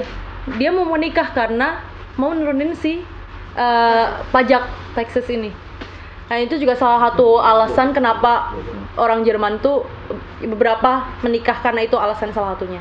Dan juga karena punya kalau punya anak itu juga ada namanya Kindergeld. Itu eh, uang yang dikasih untuk setiap anak yang yang mereka punya dan itu beda-beda menurut Bundeslandnya tapi itu lumayan banyak. Itu lumayan. Aku nggak tahu berapa jumlahnya di Bremen tapi teman aku ada ada yang dapat. Mereka keluarga Indonesia pindah ke Jerman eh, ke Bremen udah 9 tahun yang lalu. Dan dia sampai sekarang mas umurnya dia masih 21 masih dapat uang anak ini. Nah itu lumayan banget Mel. 400 Dikirim ke bank account. Ke orang tuanya jadi anaknya berapa berarti in, satu bayaran dikali jumlah anak dikirim ke orang tuanya udah Ya, anaknya dapat gitu Pantesan banyak bunter ya. Oke, eh, karena waktu sudah mau habis kita pause dulu. Nanti beres pause akan ada sesi, sesi tanya jawab dan ngobrol sama pengunjung. Pengunjung. Pengunjung. Kembali lagi. Kok pindah posisi Pak Was? oh iya Karena butuh laptop mereka berdua untuk explanation something diagram. iya Jadi, Eh, ya. ya, jadi lanjut ke obrolan tadi kan kita udah ngebahas tentang si pernikahan, bagaimana itu pernikahan menurut pandangan kita orang-orang yang belum menikah gitu. Itu juga jadi sangat penting ya kalau misalkan dari pandangan GG pernikahan bukan jadi opsi terakhir untuk sebuah hubungan karena masih banyak jenis hubungan jenis lainnya. hubungan lainnya. Tapi kalau Kim menganggap bahwa pernikahan itu ada kayak upgrading atau level Ya. paling atas untuk sebuah pernikahan gitu. Itu buah- Uh, hubungan. eh ya hubungan sorry. Nah sekarang ada ada diagram yang mungkin ini juga penting dan ya menurut saya penting sih. Nyalain. Udah. Apa itu pernikahan dan untungnya apa gitu dalam sisi rasional selain menurut norma dan agama gitu di Indonesia kan kebanyakan orang menikah Gedein karena hal itu ya. bukan karena memang benar-benar ingin menikah gitu. Gak menggeneralisir tapi kebanyakan seperti itu. Dan yang kita ketahui bahwa sannya ketika orang menikah itu malah bukannya menjadi lebih bahagia gitu. Kebanyakan ya. Jadi kayak misalkan jam main berkurang eh, circle sosial ber- berkurang. Iya. Dan lain-lain lah itu jadi kayak apakah menikah memberi untung atau kayak gimana mungkin Miss Kim bisa langsung di Oke, jadi dari diagram yang ini di sini adalah diagram untuk uh, comparison antara orang yang menikah. Aku mau di sini aja. Kenapa? Brightness. Brightness turunin kayak di sana. Setrum. Karena dicas. Oke oke oke. Nah ini diagram um, comparison antara orang yang menikah dan orang yang cohabitate. Ini berdasarkan studi di um, Brigham. Brigham University. Nah di sini bisa dilihat ya, yang warna hijau itu adalah married couples, yang warna kuning itu adalah co- cohabitation Bisa couple. dijelaskan cohabitation. Cohabitation itu adalah yang uh, tinggal bareng itu. Nah, di sini dari studi yang uh, research yang mereka lakukan rupanya pasangan yang menikah itu mereka menemukan uh, tingkat stability yang lebih tinggi, tingkat um, relationship stability yang lebih tinggi, terus ini relationship satisfaction yang lebih tinggi dan juga uh, relationship commitmentnya lebih besar. Jadi yang lebih tinggi adalah kepuasan di hubungan dan juga stabilitas, Stabilitas. hubungan dan juga komitmen di hubungannya mereka itu lebih tinggi untuk orang yang menikah. Nah tadi kita udah bahas sebelumnya kan kenapa uh, seorang yang menikah bisa merasakan stabilitas yang lebih besar, komitmen yang lebih besar, dan juga kenapa bisa merasakan um, stabilitas yang lebih besar. Itu karena uh, sebelumnya tadi kita udah bahas juga.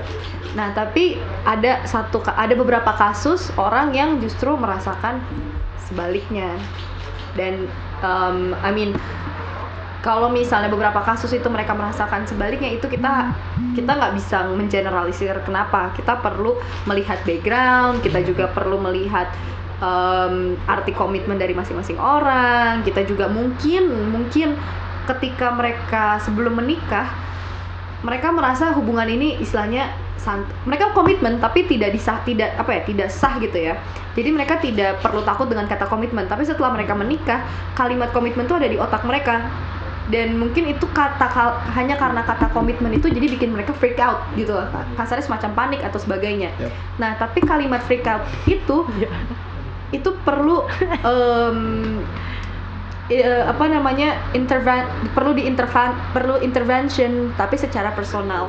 Kenapa si wanita merasakan seperti itu? Kita perlu dig juga masa lalunya. Kenapa dia bisa ketika kalimat komitmen ini secara sah ada di kehidupan dia dia panik terus untuk pria itu juga apa masa lalunya dan sebagainya. Jadi it's more to personal issues Tapi bukan berarti itu artinya kita nggak bisa mencapai ya sesuai grafik ini Iya. gitu Ini kan hanya sebuah study. Study kan Dan- researchnya di negara mana dan disebarnya ke beberapa orang Iya. yang mana. gitu. dan background orangnya pun kita juga nggak mungkin bisa tahu detailsnya gitu kan Iya.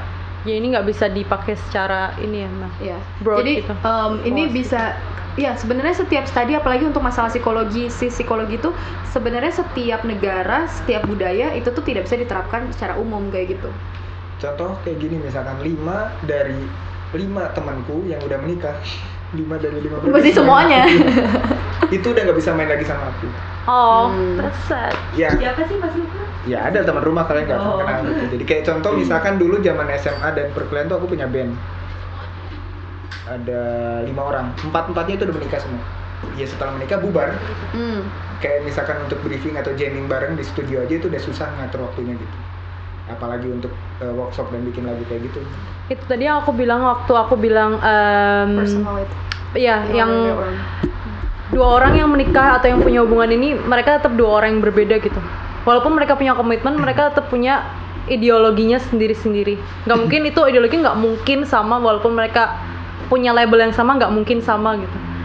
Dan yang nggak aku suka waktu orang berhubungan yang punya hubungan ini tuh mereka saling memaksakan ideologi satu sama lain. Ya. Kayak tadi nggak boleh main, nggak boleh ngejam bareng. Itu kan juga hobinya si cowoknya ini gitu. Dan mungkin ya kalau misalnya aku mau mencoba untuk merasionalkan diagram ini, karena ini kan dija- terjadi di Amerika ya, di mana di Amerika tuh um, there's just freedom gitu, free life. Nah, kenapa dan mungkin kenapa mereka menemukan stabilitas yang lebih tinggi, komitmen yang lebih tinggi dan juga um, apa ini satu lagi? Setrum terus. Dan Ko- saat komin- kepuasan. komitmen. Ya. Uh, kepuasan, komitmen dan stabilitas yang lebih tinggi mungkin karena um, apalagi sih yang bisa kita udah melakukan background kom- freedomnya iya, udah ada gitu. udah udah semuanya udah udah puas gitu jadi kalimat merit ini tuh sak, bener-bener sakral gitu loh sedangkan kalau di Indonesia merit itu adalah keharusan jadi kadang nggak sakral sakral amat Jadi kayak tekanan sosial Iya. gitu ya jatuh. ada beberapa orang yang merasa tekanan sosial jadi ya nggak sakral sakral amat gitu loh. Sedangkan kenapa mereka menemukan ini sebagai eh, diagram yang lebih besar? Karena kita udah kita udah tinggal bareng bertahun-tahun segala macam tapi kalau masih mau nikahin gue gitu? Jadi akhirnya kepuasan mereka lebih besar komitmennya juga jadinya lebih terasa nyata Karena lebih merasa- background aw- awalnya itu Iya. mereka udah udah udah free. Makanya ini bisa dibilang research ini tidak 100% bisa di ap- apply di Indonesia but Betul. explanationnya bisa di bisa dipakai but the diagram is not ya ada pertanyaan dari Eh, siapa dari mana dari Beauty Institute. Eh, mau ngarang juga boleh Bawa institusi ini. Nah, Yang- kalau, kalau yang dari tadi Soalnya nggak khusus. ya, ini teh anaknya teh. nanti ya. Gimana Kalau kalau yang dari tadi kalian bicarain kan soal kalau orang menikah terus mereka masih pengen senang-senang di luar. Mhm. Di sini bukan senang-senang tapi melakukan apa yang mereka Iya, iya. lakukan sebelum menikah itu Iya. Ya. Tapi kalau orang tua aku sendiri, mereka ini yang orang tua aku cerita ke aku. Jadi kalau kalau mereka udah nikah, mereka udah punya anak yang mereka concern itu cuma ke anak mereka sendiri.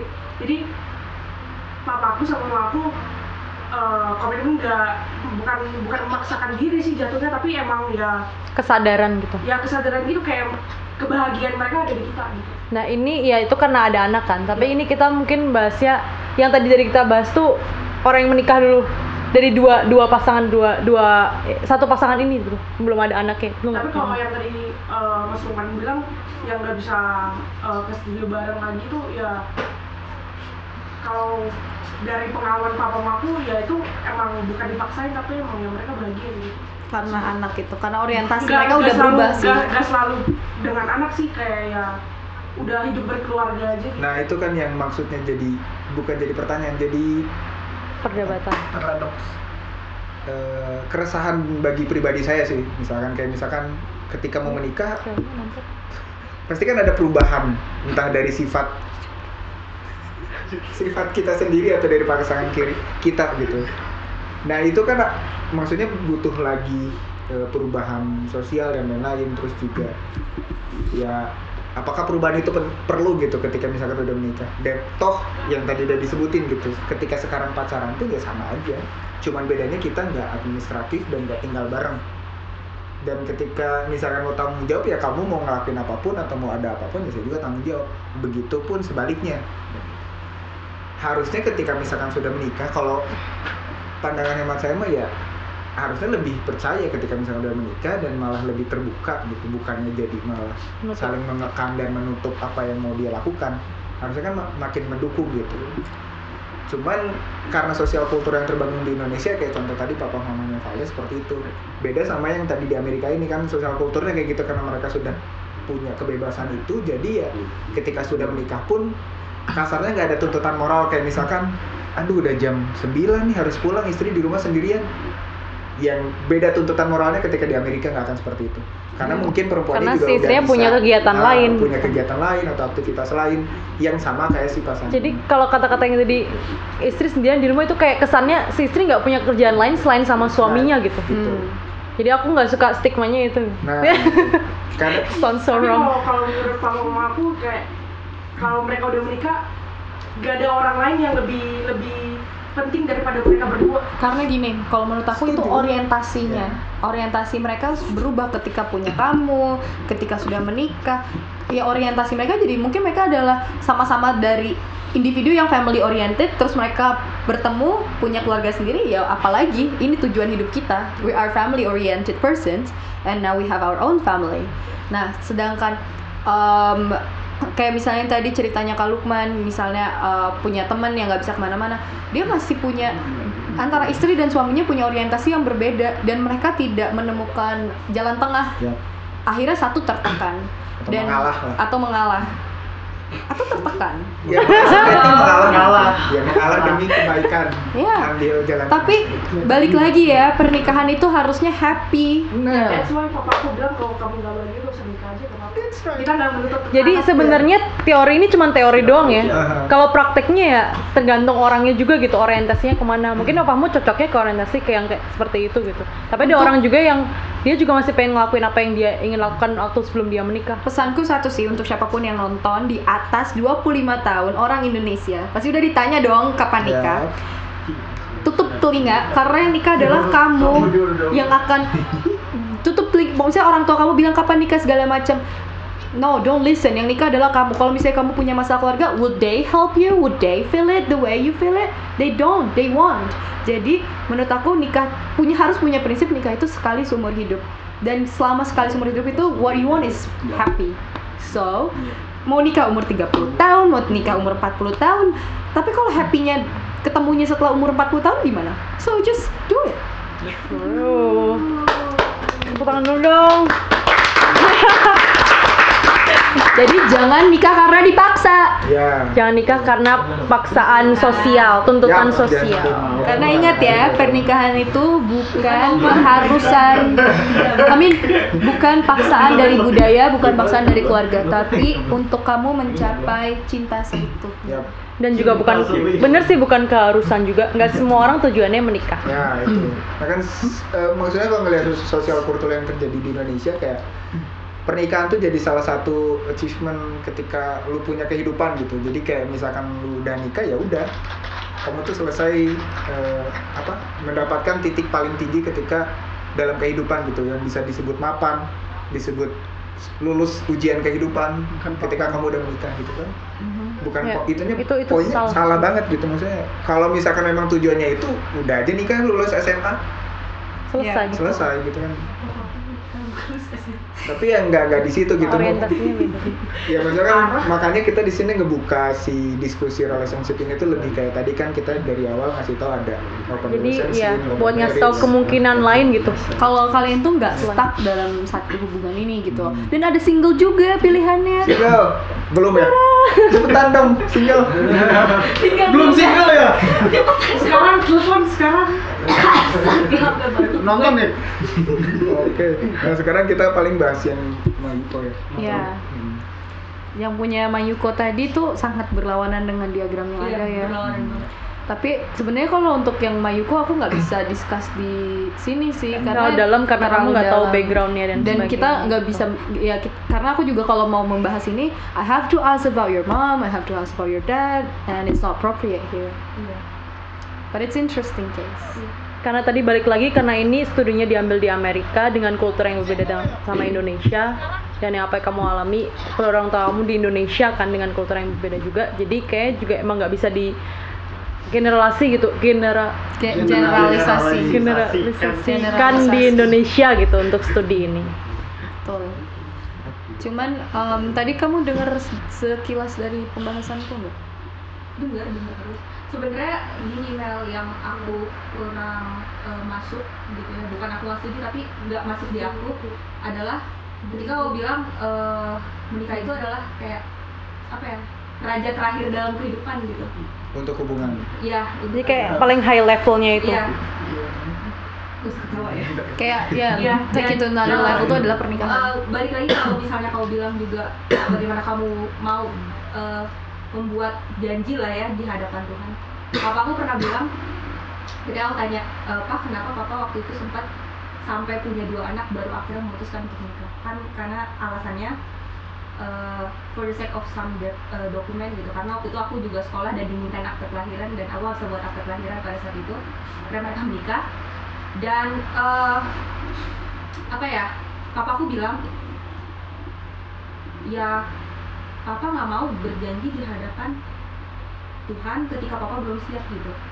Dan eh, eh, aku aku balik tanya aku tanya terus aku bilang tapi kan ketika papa udah janji di hadapan Tuhan ya udah mau nggak mau papa harus jalanin gitu. Eh, terus papaku malah dengan gamblangnya bilang papa justru lebih aneh sama orang yang berani nikah. How dare you do? You promise to God but you break it gitu loh. Mhm.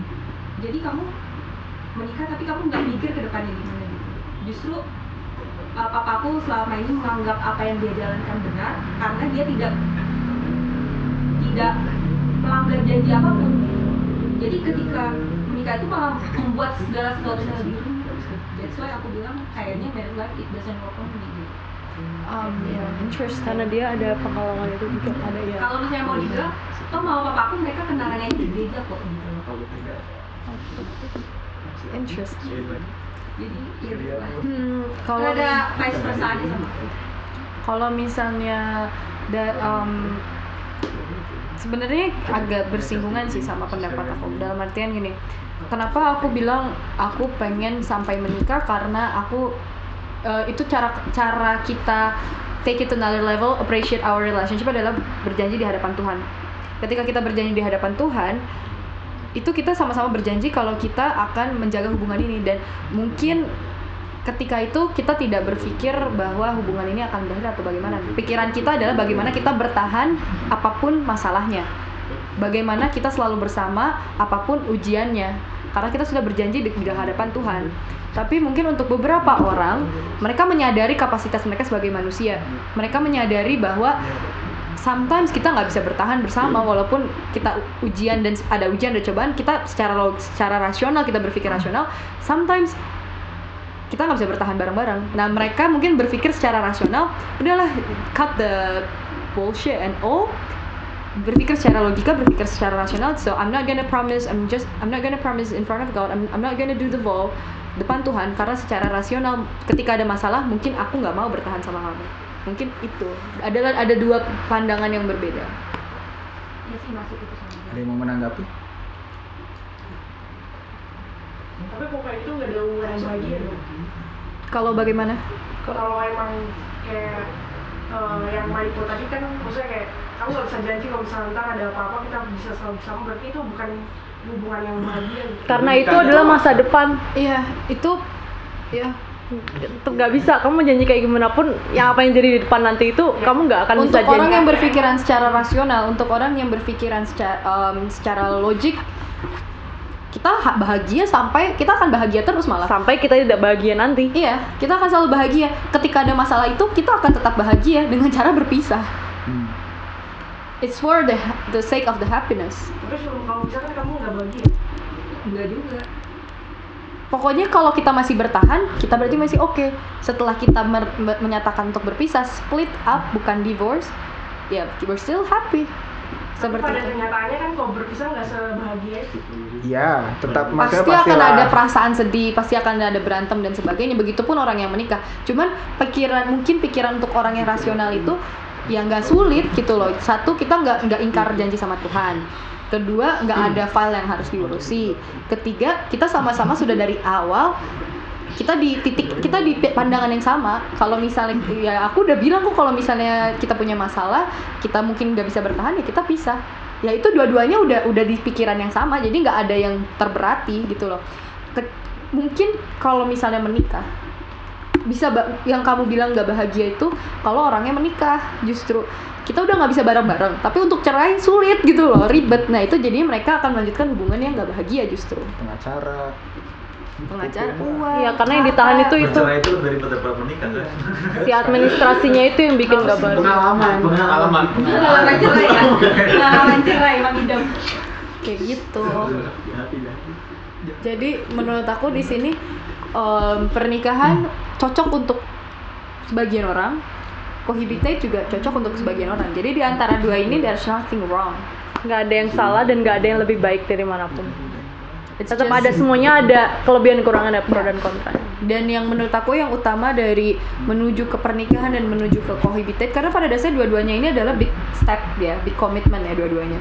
Adalah kamu menemukan orang yang sama satu frekuensi sama kamu. You want to do cohabitate I want to do cohabitate then we cohabitate.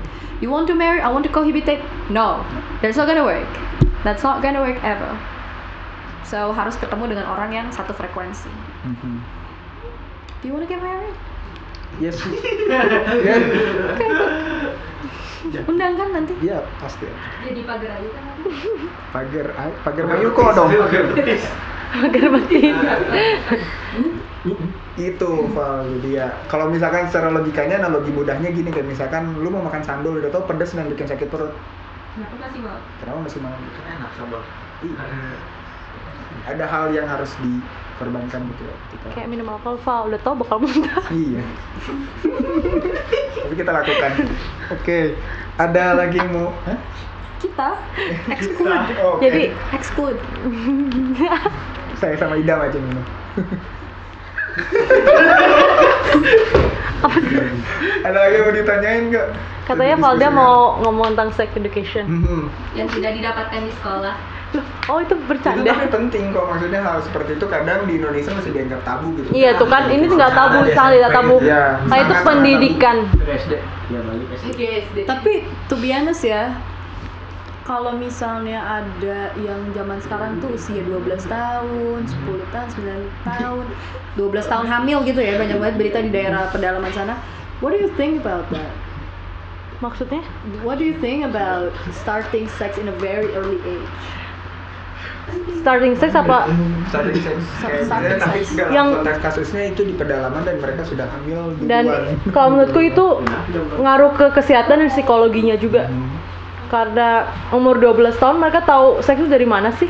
Paling dari apa? sinetron.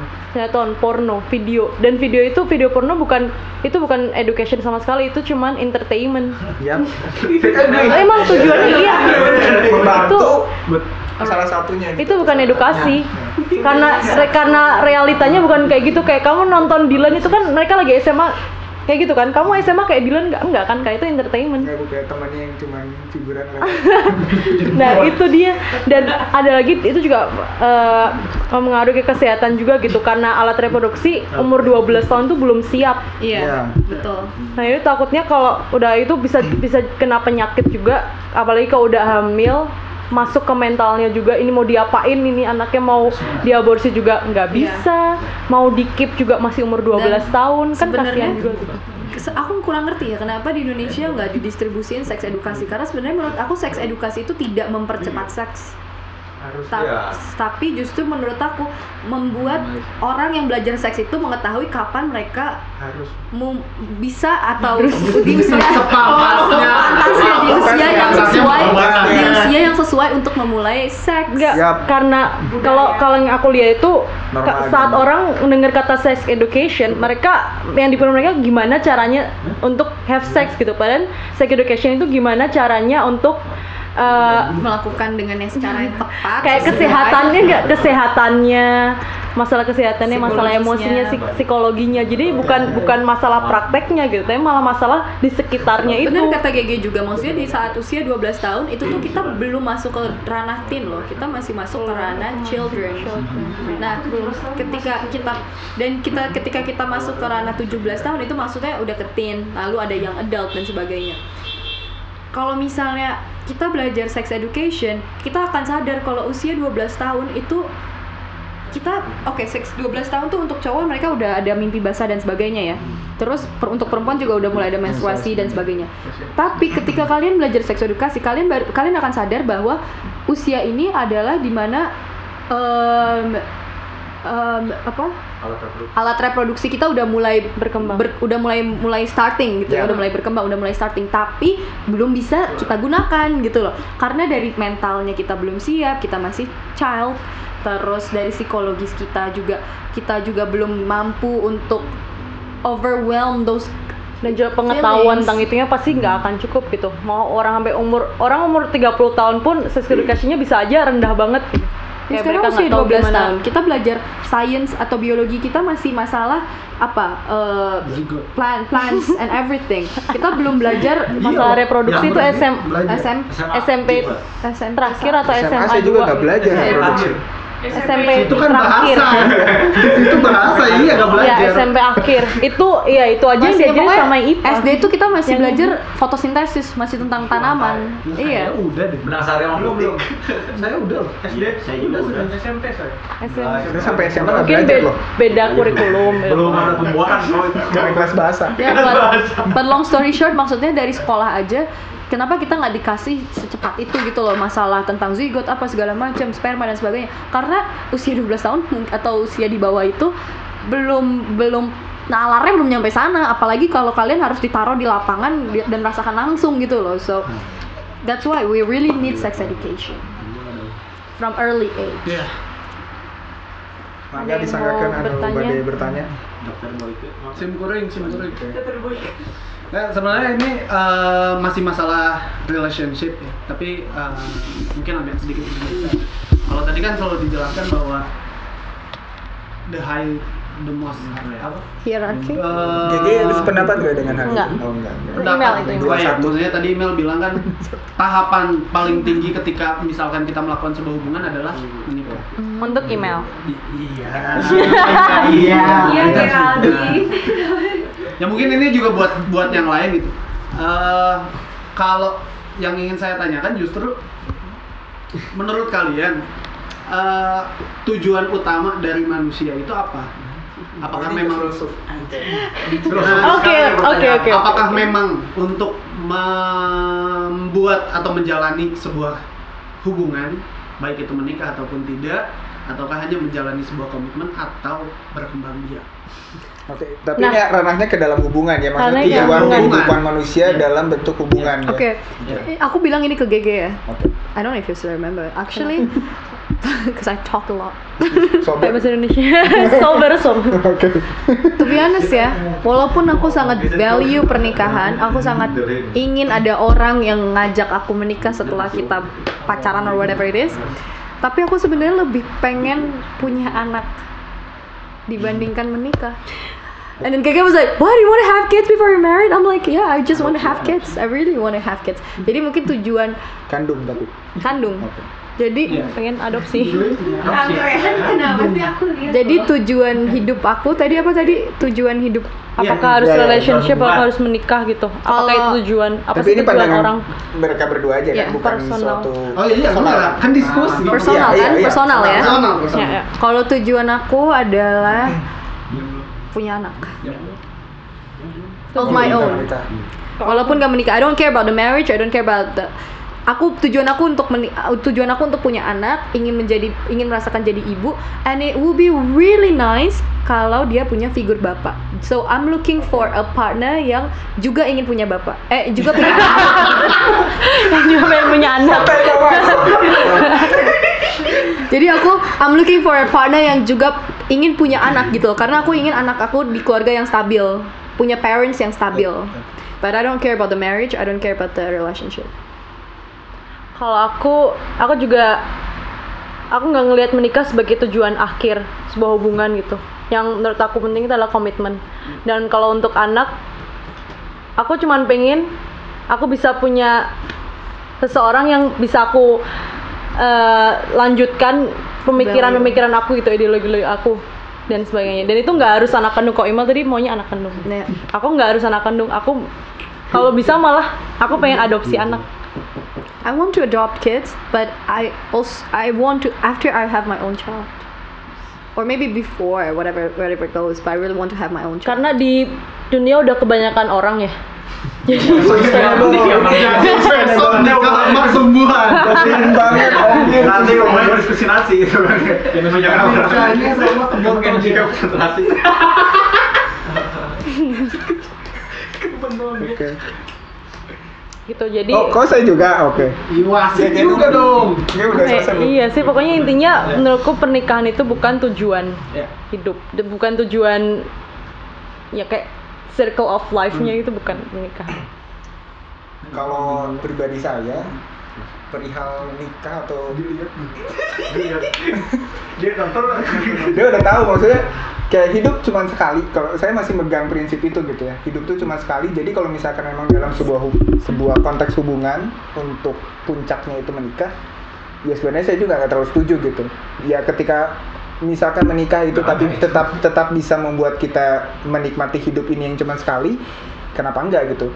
Tapi kalau misalkan menikah malah tadi seperti kayak teman saya udah nggak bisa jamming dan lain-lain ya buat apa gitu maksudnya? Yeah.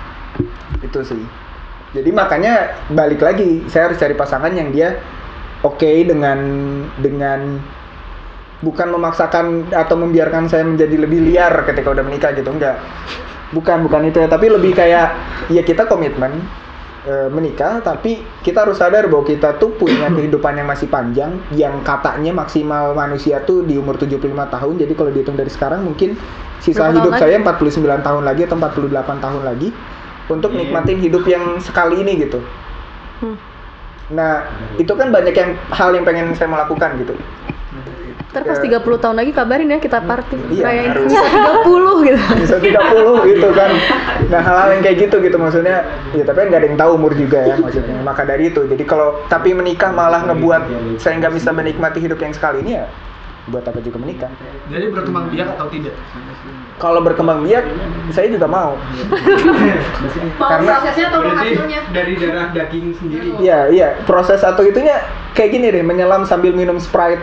ya, kena, kalau misalkan bisa menikmati prosesnya, kenapa nggak, kenapa nggak bisa langsung menghasilkan darah daging? So jadi hasilnya atau prosesnya itu aja udah. Ya, Ya, asli. ber- berarti kan maksudnya kalau kalau Pak Wasit ini dia bilang hubungan nggak masalah berarti kan. Yang penting itu adalah komitmen dan proses. Iya. Sprite-nya itu. Ya, Benar dan- kan? ya, ya kayak misalkan contoh kayak punya anak itu juga salah satu tujuan saya menikmati hidup ini gitu. Saya tuh pengen punya lihat kayak, wah ini anak tuh darah daging saya gitu. Dan dan kasarnya tuh mau ditoyor-toyor atau gimana juga anak saya gitu mau saya eh, brainwash supaya dia jadi radikal atau seperti apa ya terserah saya Jadi anggota saya DC. ya jadi anggota DC atau jadi apa pun ya No. terserah saya gitu kan nggak terserah ya dalam rangka untuk awal tapi kan ketika dia Di bawah 18 kalau jeruk. ya ketika dia misalkan mau menentukan jalannya terserah tapi kan saya mau menyampaikan apa yang ada di kepala saya dia mau nerima atau enggak itu keputusan dia. Ya tapi itu akan lebih akan lebih maksudnya akan lebih mudah ketika misalkan kita Akhirnya. menyampaikan sesuatu hal itu ke anak kita sendiri. Kayak contoh bapak. Bapak saya gitu. Dia menceritakan sesuatu hal yang eh, yang menurut pikiran dia pikiran dia yang kadang tidak tidak terlalu ke arah agama gitu. Kayak nggak percaya takdir nggak percaya apa pun ya. Tapi itu masuk gitu dan saya ikuti gitu kan ya hal itu tuh akan lebih mudah tapi ketika misalkan orang lain yang menyampaikan itu ya kadang ada kontra dan ada ada penanggapan diskusikan atau didebatkan gitu Kalau aku secara pribadi kenapa ingin punya anak? Because I just want to see the mixture of me and the one that I love. So cute. So cute. Nah makanya eh, nggak tahu sih ya. Ini kan karena kita ngebahas hubungan. Yang pertama, maksudnya kalau saya secara pribadi eh, sebuah hubungan baik itu baik itu pacaran ataukah menikah eh, itu bukan apa ya maksudnya itu bukan sesuatu yang nal- bukan naluri manusia di situ. Kalau menurut saya bukan di situ. Tapi goalnya manusia itu adalah berkembang biak. secara naluri itu di story-nya juga ada yang aku sempat baca juga kenapa awalnya orang menikah itu kenapa karena dulu itu orang kalau punya anak ya udah punya anak dan mereka nggak tahu siapa bapaknya gitu tapi kalau orang menikah eh orang bareng gitu pasangan itu lebih eh, naikin presentase anaknya ini bisa bertahan hidup lebih lama daripada kalau dia nggak punya bapak atau ibu Lagian juga kalau misalnya itu dipikir historinya sejarahnya dan lagian kalau dipikirin itu Tuhan memfasilitasi kita alat reproduksi Iya. alat reproduksi untuk berkembang biak tapi Tuhan tidak memfasilitasi memfasilitasi kita alat untuk berkomitmen Mhm. so s- jadi benar naluri awal manusia pasti Iya. berkembang biak karena itu adalah yang secara mutlak Tuhan udah memfasilitasi kita Iya, makanya yang pertama itu secara naluri ya. Dan terus kalau menurut saya secara pribadi, eh, secara psikologi, secara mungkin Nima lebih ngerti ya, karena anak psikolog. Mungkin anak itu juga. psikolog anak ya. psikologi. Eh, secara psikologi manusia itu eh, memiliki tujuan untuk me- apa namanya Me- Menurunkan. meneruskan atau melanjutkan ideologinya. Entah itu ke teman atau ke siapa pun. Iya. dan kalau untuk masalah hubungan apa utamanya masalah menir, menikah menurut saya itu mau urusan agama. Hmm. karena yang maksudnya ketika manusia ingin berkembang biak dan ingin melanjutkan ideologi yang paling rasional kan ke keturunan sendiri. Mereka harus melalui proses ini. Proses menikah. Makanya eh, kalau secara hubungan secara maksudnya kalau menurut saya secara pribadi manusia nggak butuh itu secara naluri ya tapi kalau emang memang beragama emang nggak butuh buat menikah sih untuk punya Iya, anak. Gitu, teman. tapi kalau secara agama atau mungkin orang yang berpegang teguh pada agama ya ketika ingin punya anak baru mencapai uh, proses menikah dan sebelum baru sebelum mencapai proses pernikahan atau memiliki sebuah keluarga dan memang itu tadi yang sebelumnya sudah dibicarakan ada beberapa hal yang harus diperhatikan. Baik itu komitmen uh, terus masalah apa namanya persamaan ideologi dan persamaan pendapat baru ke sana. Dan yang mungkin saya kurang setuju adalah kayak karena eh, dalam hubungan ya maksudnya ketika lahirnya ada harta gono gini terus masalah proses dan sebagainya karena yang mengatur itu adalah negara bukan agama nah, ada sih agama. Iya. harta gono gini cuman kan tidak menggunakan dokumen dan sebagainya ya itu kan ya kalau kalau ngomongin gitu mah balik lagi di mana kamu lahir. Susah juga. Ah, siapa ini yang duluan tuh? Dulu. Enggak apa tadi Kan Valda tadi- udah nanya soal Jangan, oh, jangan. Silahkan. ya diskusi atau menanggapi yang nama saya Junet. Ingin bertanya. Ah, tadi mau masalah. Kalau kalau dari perspektif nikah itu pusing iya karena kalau menurut saya nikah itu ibadah dari ibadah itu pasti bikin orang kita mikir setelah nikah kan pun lebih pusing daripada kita single menurut saya kan. Banyak yang diurus gitu ya.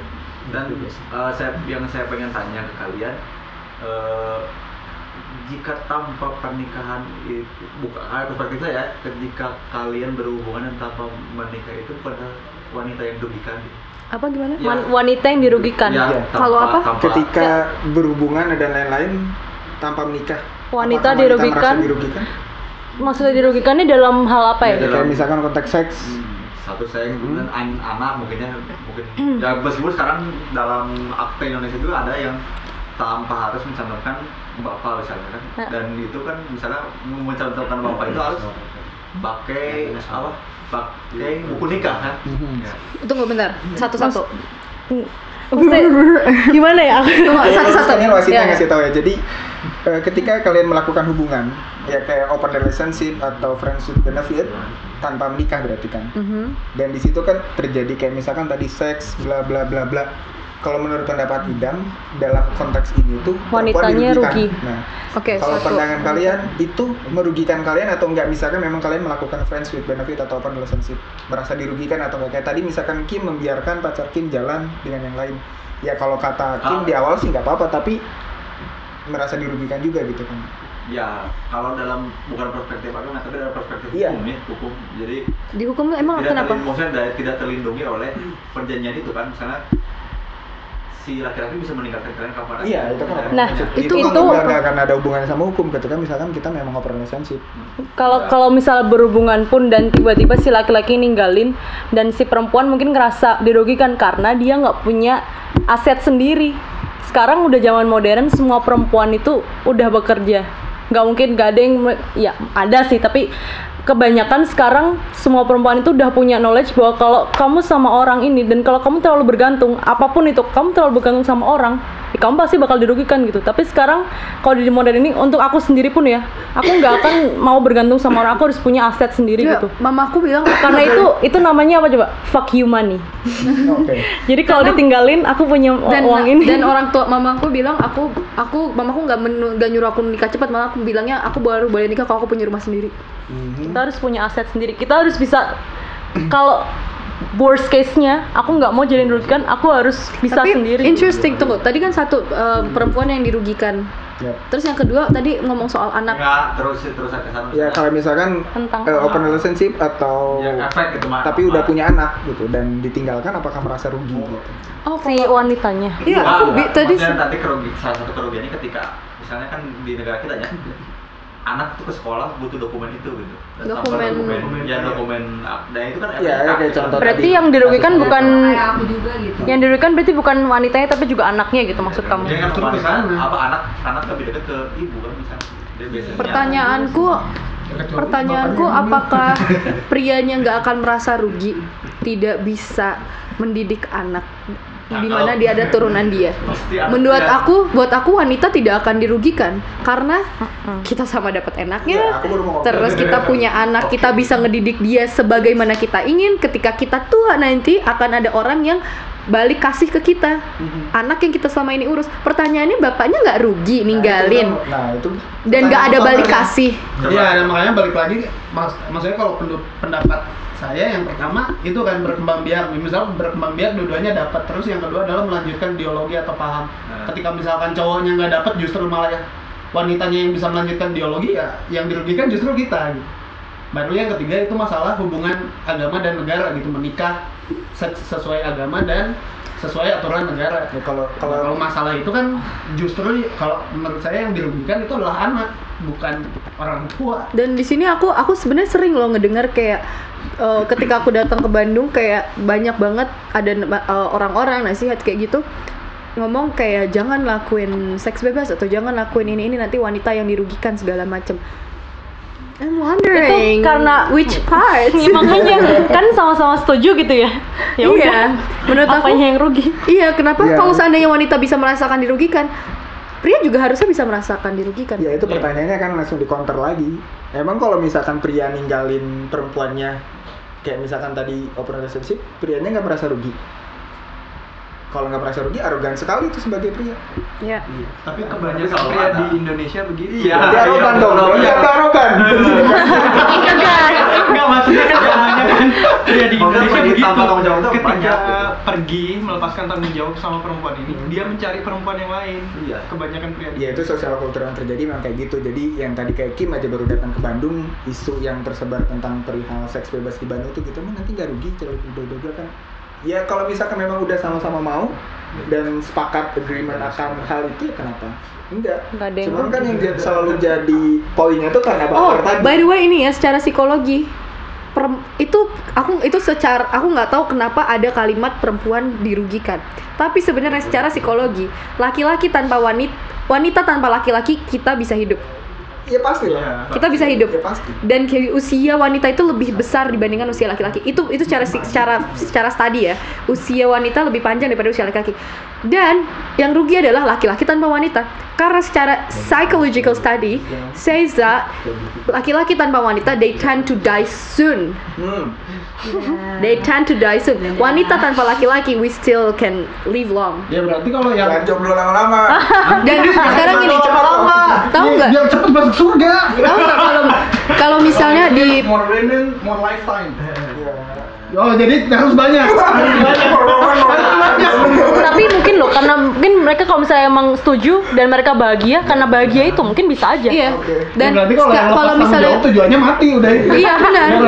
benar sekali. kan ya Terus cari wanita lain Iya, wanita oh berarti aku pengen hidup lama Oh, lo mau mau, mau banyak. itu tujuannya sama sama ini. Oke, aku dukung do kalau gitu. Jangan dia udah satu aja biar cepet. dan mati. dan tahu nggak kalau misalnya kalian di perusahaan kalian ini dan kalian menikah eh, seorang pria ya terus statusnya adalah menikah pria lebih cep- lebih cepat untuk get promotions dan katanya gajinya juga bisa lebih besar karena kenapa lebih mudah untuk get promotion? karena dianggap mereka udah bisa bertanggung jawab lebih dewasa lebih responsible jadi Jadi intinya sebenarnya yang rugi siapa? rugi siapa Ayo lo Mas Lukman. Enggak, aku memang membutuhkan wanita mau gimana pun gitu. Waduh. berapa Menarik. ya, cukup. iya. Coba diturunin kameranya. coba ditutup dulu Boleh, boleh. Oke, eh, nama saya Yuko dari UPI Cirebon. Bawa instansi semua. Jadi dari gue tuh dari saya Aduh, jangan keras-keras, kasihan nanti dimarahin. Eh, Ingat tadi berarti kursus. mau ini aja kalian nanggapin yang Mas Lukman tadi yang bilang kalau misalnya eh, kan Mas Lukman bilang eh, ditanya ketika pertanyaan awal mau menikah jawabannya iya. Tapi nggak mau eh, nggak mau apa namanya hobi-hobi atau bias eh, habit yang biasa dilakukan itu hilang gitu kan. Nah kalau ternyata si dia ini malah menghilangkan habit Mas Lukman maksudnya sebelum sebelum nikah ya maksudnya udah kayak ketahuan oh ini habit gue bakal hilang nih kalau sama dia lebih milih nggak nikah atau Ya lebih milih nggak nikah. atau cari yang baru Cari yang baru. jadi dia Cepet banget jawabnya. menikah gitu Iya, iya maksudnya kan gitu. Jadi ketika menikah memang harus cari yang benar-benar setuju gitu. Jangan sampai kayak teman kita ngerokok aja dilarang. eh siapa itu Hei, Eh, eh, eh, belum ini Ya. belum gitu awas sampai gak jadi mana yang salah anjing? Sampai gak jadi mana yang salah dong Enggak kan enggak dilarang gitu. Iya, dikurangi karena itu kan demi kebaikan. Anda gitu ya. gitu ya. Yang paling saya gak suka tuh itu selalu ketika misalkan di Indonesia ya khususnya atau di nggak tahu di negara lain atau di Asia. Ketika orang membuat sebuah hubungan tuh selalu ada dari pihak pasangannya tuh membuat Demand. yang memberi syarat dan ketentuan dan yang lain atau kebutuhan lainnya kayak kamu kurangin dong rokoknya jangan terlalu banyak minum. Itu juga kan demi kebaikan kamu gitu. Hmm. yang tahu kebaikan tuh siapa sih? Hei kalian cowok egois. Enggak, tapi tapi gini, sebenarnya demand itu juga sebenarnya nggak apa-apa, tapi kalau didiskusikan. Iya, tapi kalau jadi one sided itu yang nggak yang Nah, nggak bisa. aku menengahi ya. Oke. aku menengahi ya. Aku wasit sekarang tolong Eh, dibedakan antara demand. Menurut aku demand itu datang dari egonya si satu orang itu. Hmm. dia memberi alasan yang tidak masuk akal. Bedakan antara demand dan memang dia peduli. Iya, iya, iya, iya. peduli itu Aldo kenapa? tidak turun dari ego sendiri. Misalnya gini ya. Contoh minum kita udah tahu pasangan kita minumnya gila tiap hari misalnya dan segala macam. Waduh. kita nggak akan di terus aku misalnya bilang tolong dong kamu minumnya dikurangin tolong dong kamu kamu jangan keluar deh malam ini nanti aja. Karena kita udah tahu dari enam hari berturut-turut dia keluar malam dan pulang mabok. Dan itu nggak akan sehat kalau terus dilakukan. Itu bukan karena di, aku demanding tapi karena aku peduli. So that's Kalau not demanding. setuju. Kalau Tapi tetap aja kan harus Ya, tapi didiskusikan. kan kayak misalkan gini, kayak misalkan buat diriku sendiri aku kuat kok kayak 40 hari mabuk terus tiap hari. Oke. Ya, Oke, Cem. gitu. Oke, Cem. sekarang gini sekarang gini dibawain kalau misalnya aku punya pasangan yang kayak gitu ya aku punya pasangan yang bilang aku kuat kok 40 hari berturut-turut nggak tidur mabok terus oke just do it kalau memang menurut kamu bisa tapi setelah 40 hari cek ke rumah sakit. Let's see if you're still totally 100% fine.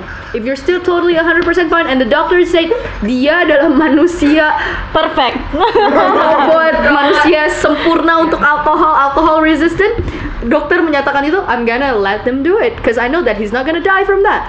Tapi kalau misalnya dokter bilang ini harus di ini ini ini I'm like fuck you stop it otherwise you die. And then who am I gonna be with? And how's our child? I mean how's our children gonna be with? Doesn't have father like fuck you. Santai. Iya, maksudnya ketika misalkan memang itu untuk demi kebaikan dan si pria atau pasangannya tadi setuju gitu. Kayak contoh tadi kan aku ada yang setuju nih setuju Kim. Siapa? Siapa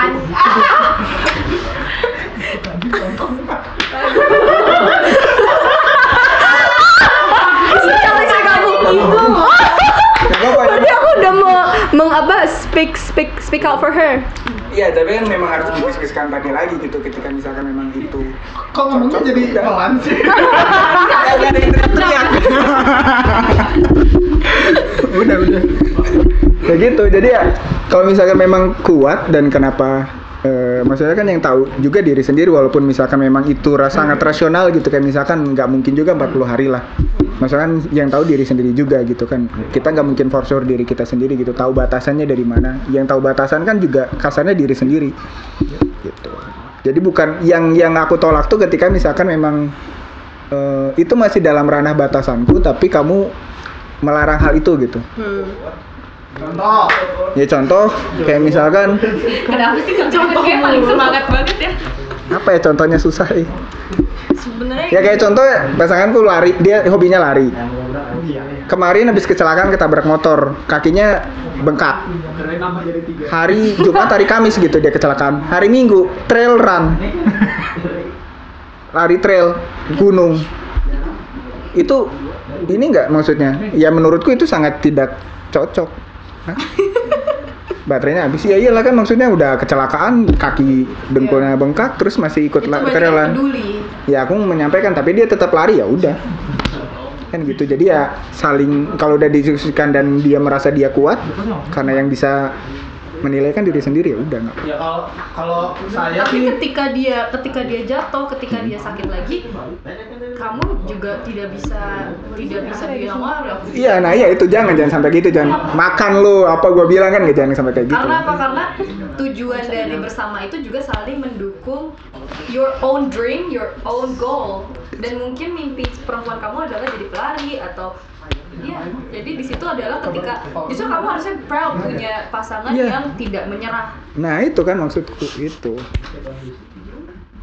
ya tapi ya untuk sama email gak tau kenapa Iya, enggak Itu tahu sih nyala kenapa. kok, itu Karena nyala. bener banget kadang kan Emang ada nyala. pasangan yang eh, mereka terlihat peduli tapi ketika terus let's say katakanlah kasusnya seperti Mas Lukman gitu ya eh, tetap udah ngela- u- bukan udah ngelarang udah ngebilangin tapi tetap dilakukan tapi ketika ada hal buruk lagi terjadi eh, malah kayak semangatin lagi bukan Iya, iya, kayak memang harus seperti itu kan. entah lebok I told you. gitu gitu kan Lalu kayak dia kemarin lari traileran pulang, it's okay, cuman pegal pahanya ya udah, pijitin gitu pahanya. karena ada beberapa pasangan karena ada beberapa pasangan yang kayak malah udah gue bilangin lu masih aja. Iya itu kan kayak nggak masuk akal banget Kayak jadi nyalahin untuk apa lu jadi pasangan gue kalau Nah, lu itu. dukung gitu loh Iya, benar sekali. udah putus aja Nah, putus aja. Dan itu rasanya malah bikin jadi sedih Saya gitu nanya. it's part of our dreams. Yes. Saya nanya, That's the point. kan tadi itu egonya karena kesehatan. Kalau semisal egonya bukan karena kesehatan, tapi karena sifatnya dia yang memang cuek, saya minta dia untuk tidak cuek. Oke. Itu bagaimana coba? Kenapa sih gak pernah ganti-ganti dari cuek kata cuek itu kayak Kurang acuh gitu. Kurang acuh, acuh tak acuh. Oke. Dan dia juga jatuhnya lebih semisal kan saya ngajak dia ke sini. Maksudnya biar dia bersosialisasi. ya tolong dong tempatnya disebutkan kalau bisa. Jangan, biar dia bersosialisasi, tapi ujung-ujungnya dia malah tetap tidak bersosialisasi, Nah, berusaha untuk ansos. itu itu juga ada namanya limit limitnya orang untuk bersosial, bersosialisasi. Itu nggak sama semua gitu. Dok kamu mau maksa sampai kapan pun kamu juga harus mengerti gitu limit dia tuh seberapa. Karena aku pun juga mungkin aku juga nggak nggak sebanyak itu limitnya apa buat bersosialisasi aku nggak sebanyak email gitu. Aku butuh waktu butuh waktu sendiri lebih. Oke, ntar aku sebut nama lagi. butuh waktu lebih banyak gitu dan kamu nggak bisa memaksa orang yang emang kayak gitu gitu. Dok itu emang emang dari dalam kayak itu gitu. satu ya dan yang kedua aku yakin dia punya love language-nya sendiri. Kamu punya love language-nya sendiri. Dia punya love language-nya sendiri. Dalam artian gini love language aku ya love language aku tuh adalah giving jadi ketika aku punya pasangan aku tuh kayak seneng ngasih hal-hal kecil seneng peduli perhatian hal-hal kecil segala macam. Itu love language aku. Terus pasangan aku bilang aku nggak butuh ini aku nggak butuh ini aku cuma butuh kamu ada buat aku. Tapi misalnya aku lagi di Jakarta atau aku lagi di mana aku nggak bisa ada buat dia gitu ya. Tapi aku bisa bisa ngasih sesuatu untuk dia. Tapi dia bilang bukan barangnya yang aku butuhin tapi keberadaan kamu. But that's my love language. Dan kebalikannya love language dia bukan giving. Tapi love language dia adalah selalu ada buat aku nah kadang-kadang aku tuh kayak duh pengen pengen sama Hmm. teman aduh pengen sendiri tapi buat dia kalau aku masih ada untuk kamu itu aku masih sayang sama kamu gitu loh dan untuk aku ketika aku masih ngasih ke kamu itu aku masih sayang sama kamu dan jadi untuk kamu kamu harus lebih Peka. Jang- iya harus lebih peka, harus lebih sadar. Jangan cuman karena love language kamu adalah selalu ada jadi dia nggak sayang sama kamu. Kamu harus lebih telit lebih de- lebih sensitif sama Nah. perilaku perempuan kamu apa gitu. Tapi sebelum ke situ, Dok, tanya dulu sama diri sendiri, bener gak nih orang? saya bener gak nih sama orang kalau misalkan gak yakin udah. Enggak, yang yang ma- maksudnya kalau kalau dari saya sih kalau saya setuju sama GG tadi. Maksudnya apa pun itu ya harus didiskusikan. Kalau memang ternyata tidak sesuai dan tidak cocok. Putus. Kalau dipaksakan ya jatuhnya jadi ego kalau dipaksakan ya kalau tadi kan email bilang masalah peduli ya peduli gitu tapi kalau dipaksakan jadi ego nah kalau misalkan memang sudah tidak bisa dipaksakan berarti memang tidak sinkron putus kanan Lebih baik sekarang telepon Yang lucu gini. dan kata email kan split up juga bukan sesuatu yang buruk Iya. Kan bahagia buat dua-duanya itu itu juga bisa jadi solusi. Gini, yang lucu kemarin gini, kan saya lihat di Twitter. Oke. Kasusnya tuh real. Uang lihat dari duit Enggak. Kasusnya Bukan, real soalnya banget ini. Kalau di Twitter kan gini, jadi kayak apa sih sifat pasangan kalian Aquarius. Mhm. Oke, Kebetulan ini nih. Kebetulan saya dan dia itu sama-sama Aquarius. Kalau Oh. Dan dan apa namanya? Yang mereply itu kebanyakan membi- memberitahukan bahwa sifat Aquarius itu adalah cuek dan itu saya dapatkan di dia tapi tidak saya dapatkan di saya. Ya, karena itu kan tidak karena dia sama-sama Aquarius. karena kamu nggak bisa menilai dirimu sendiri. Dok, kalau yang dibilang Aquarius sifatnya begitu-begitu itu nggak 100% benar. Itu biasanya kecenderungan. kecenderungan Kecenderungan. mayoritas Dan- karena kan ya itu balik lagi Kan mayoritas sejarah kecenderungan dia. sekarang gini aja zodiak cuma ada 12 masa orang di seluruh dunia ini ada berapa puluh miliar cuma dibagi sebagai 12 gimana orang kalau nanti yang abis ini berbeda kita share MBTI personality iya test? mending MBTI Boleh, boleh. Terus share juga ke dia MBTI dia apa personal MBTI personality-nya. Kayak aku ENFP, GG INFJ. Dan secara what is it called? Secara sinkronisasi sinkronisasi compatibility, compatibility. Aku sama Imo sangat cocok Nggak cocok. dan itulah kenapa Padahal aku Pisces, dia Scorpio. Cocok juga sih dia secara horoskop. Gigi berarti baru ulang tahun dong kalau Scorpio. Iya. iya mana Kemarin. jangan di sini Ya maaf, atuh. Udah, sebutkan ada lagi? Cuman saran aku buat kamu ya. Coba deh kamu pastiin itu makanya Sebelum ngebahas tadi antara dia cuek, acuh terus menerima Iya, dia padanya tuh. sayang. gimana itu. dari kamunya gimana gitu Apa cinta bertepuk sebelah tangan? Kamu merasa cemburu nggak itu aja dia jalan sama yang lain?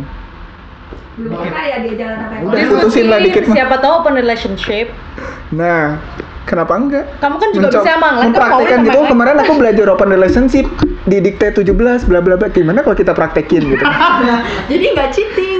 itu nggak cheating kalau kan kamu dari kemarin saya berusaha nggak cheating Berusaha. wah wah ya. wah berhasil nggak kan saya udah bilang kemarin seminggu Ya, siapa di kan pascal udah bilang gitu Oh, kok di Pascal Ya, sekali lagi. beneran ini ada anunya ada chatnya saya Iya, bilang ke dia iya. Enggak, lupa nama Instagram. Iya anjing. Mana nanya? Mau nanya? ada, ini ada yang ngasih love nih. Ah,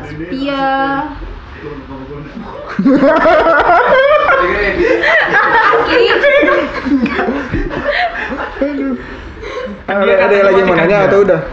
ini ini nggak jadi Itu nanti konklusi. Oke, kalau sudah nggak ada yang nomor me- bertanya atau ada yang mau nanggapi, mungkin nih oh, iya. boleh siap siap siap eh, apa namanya?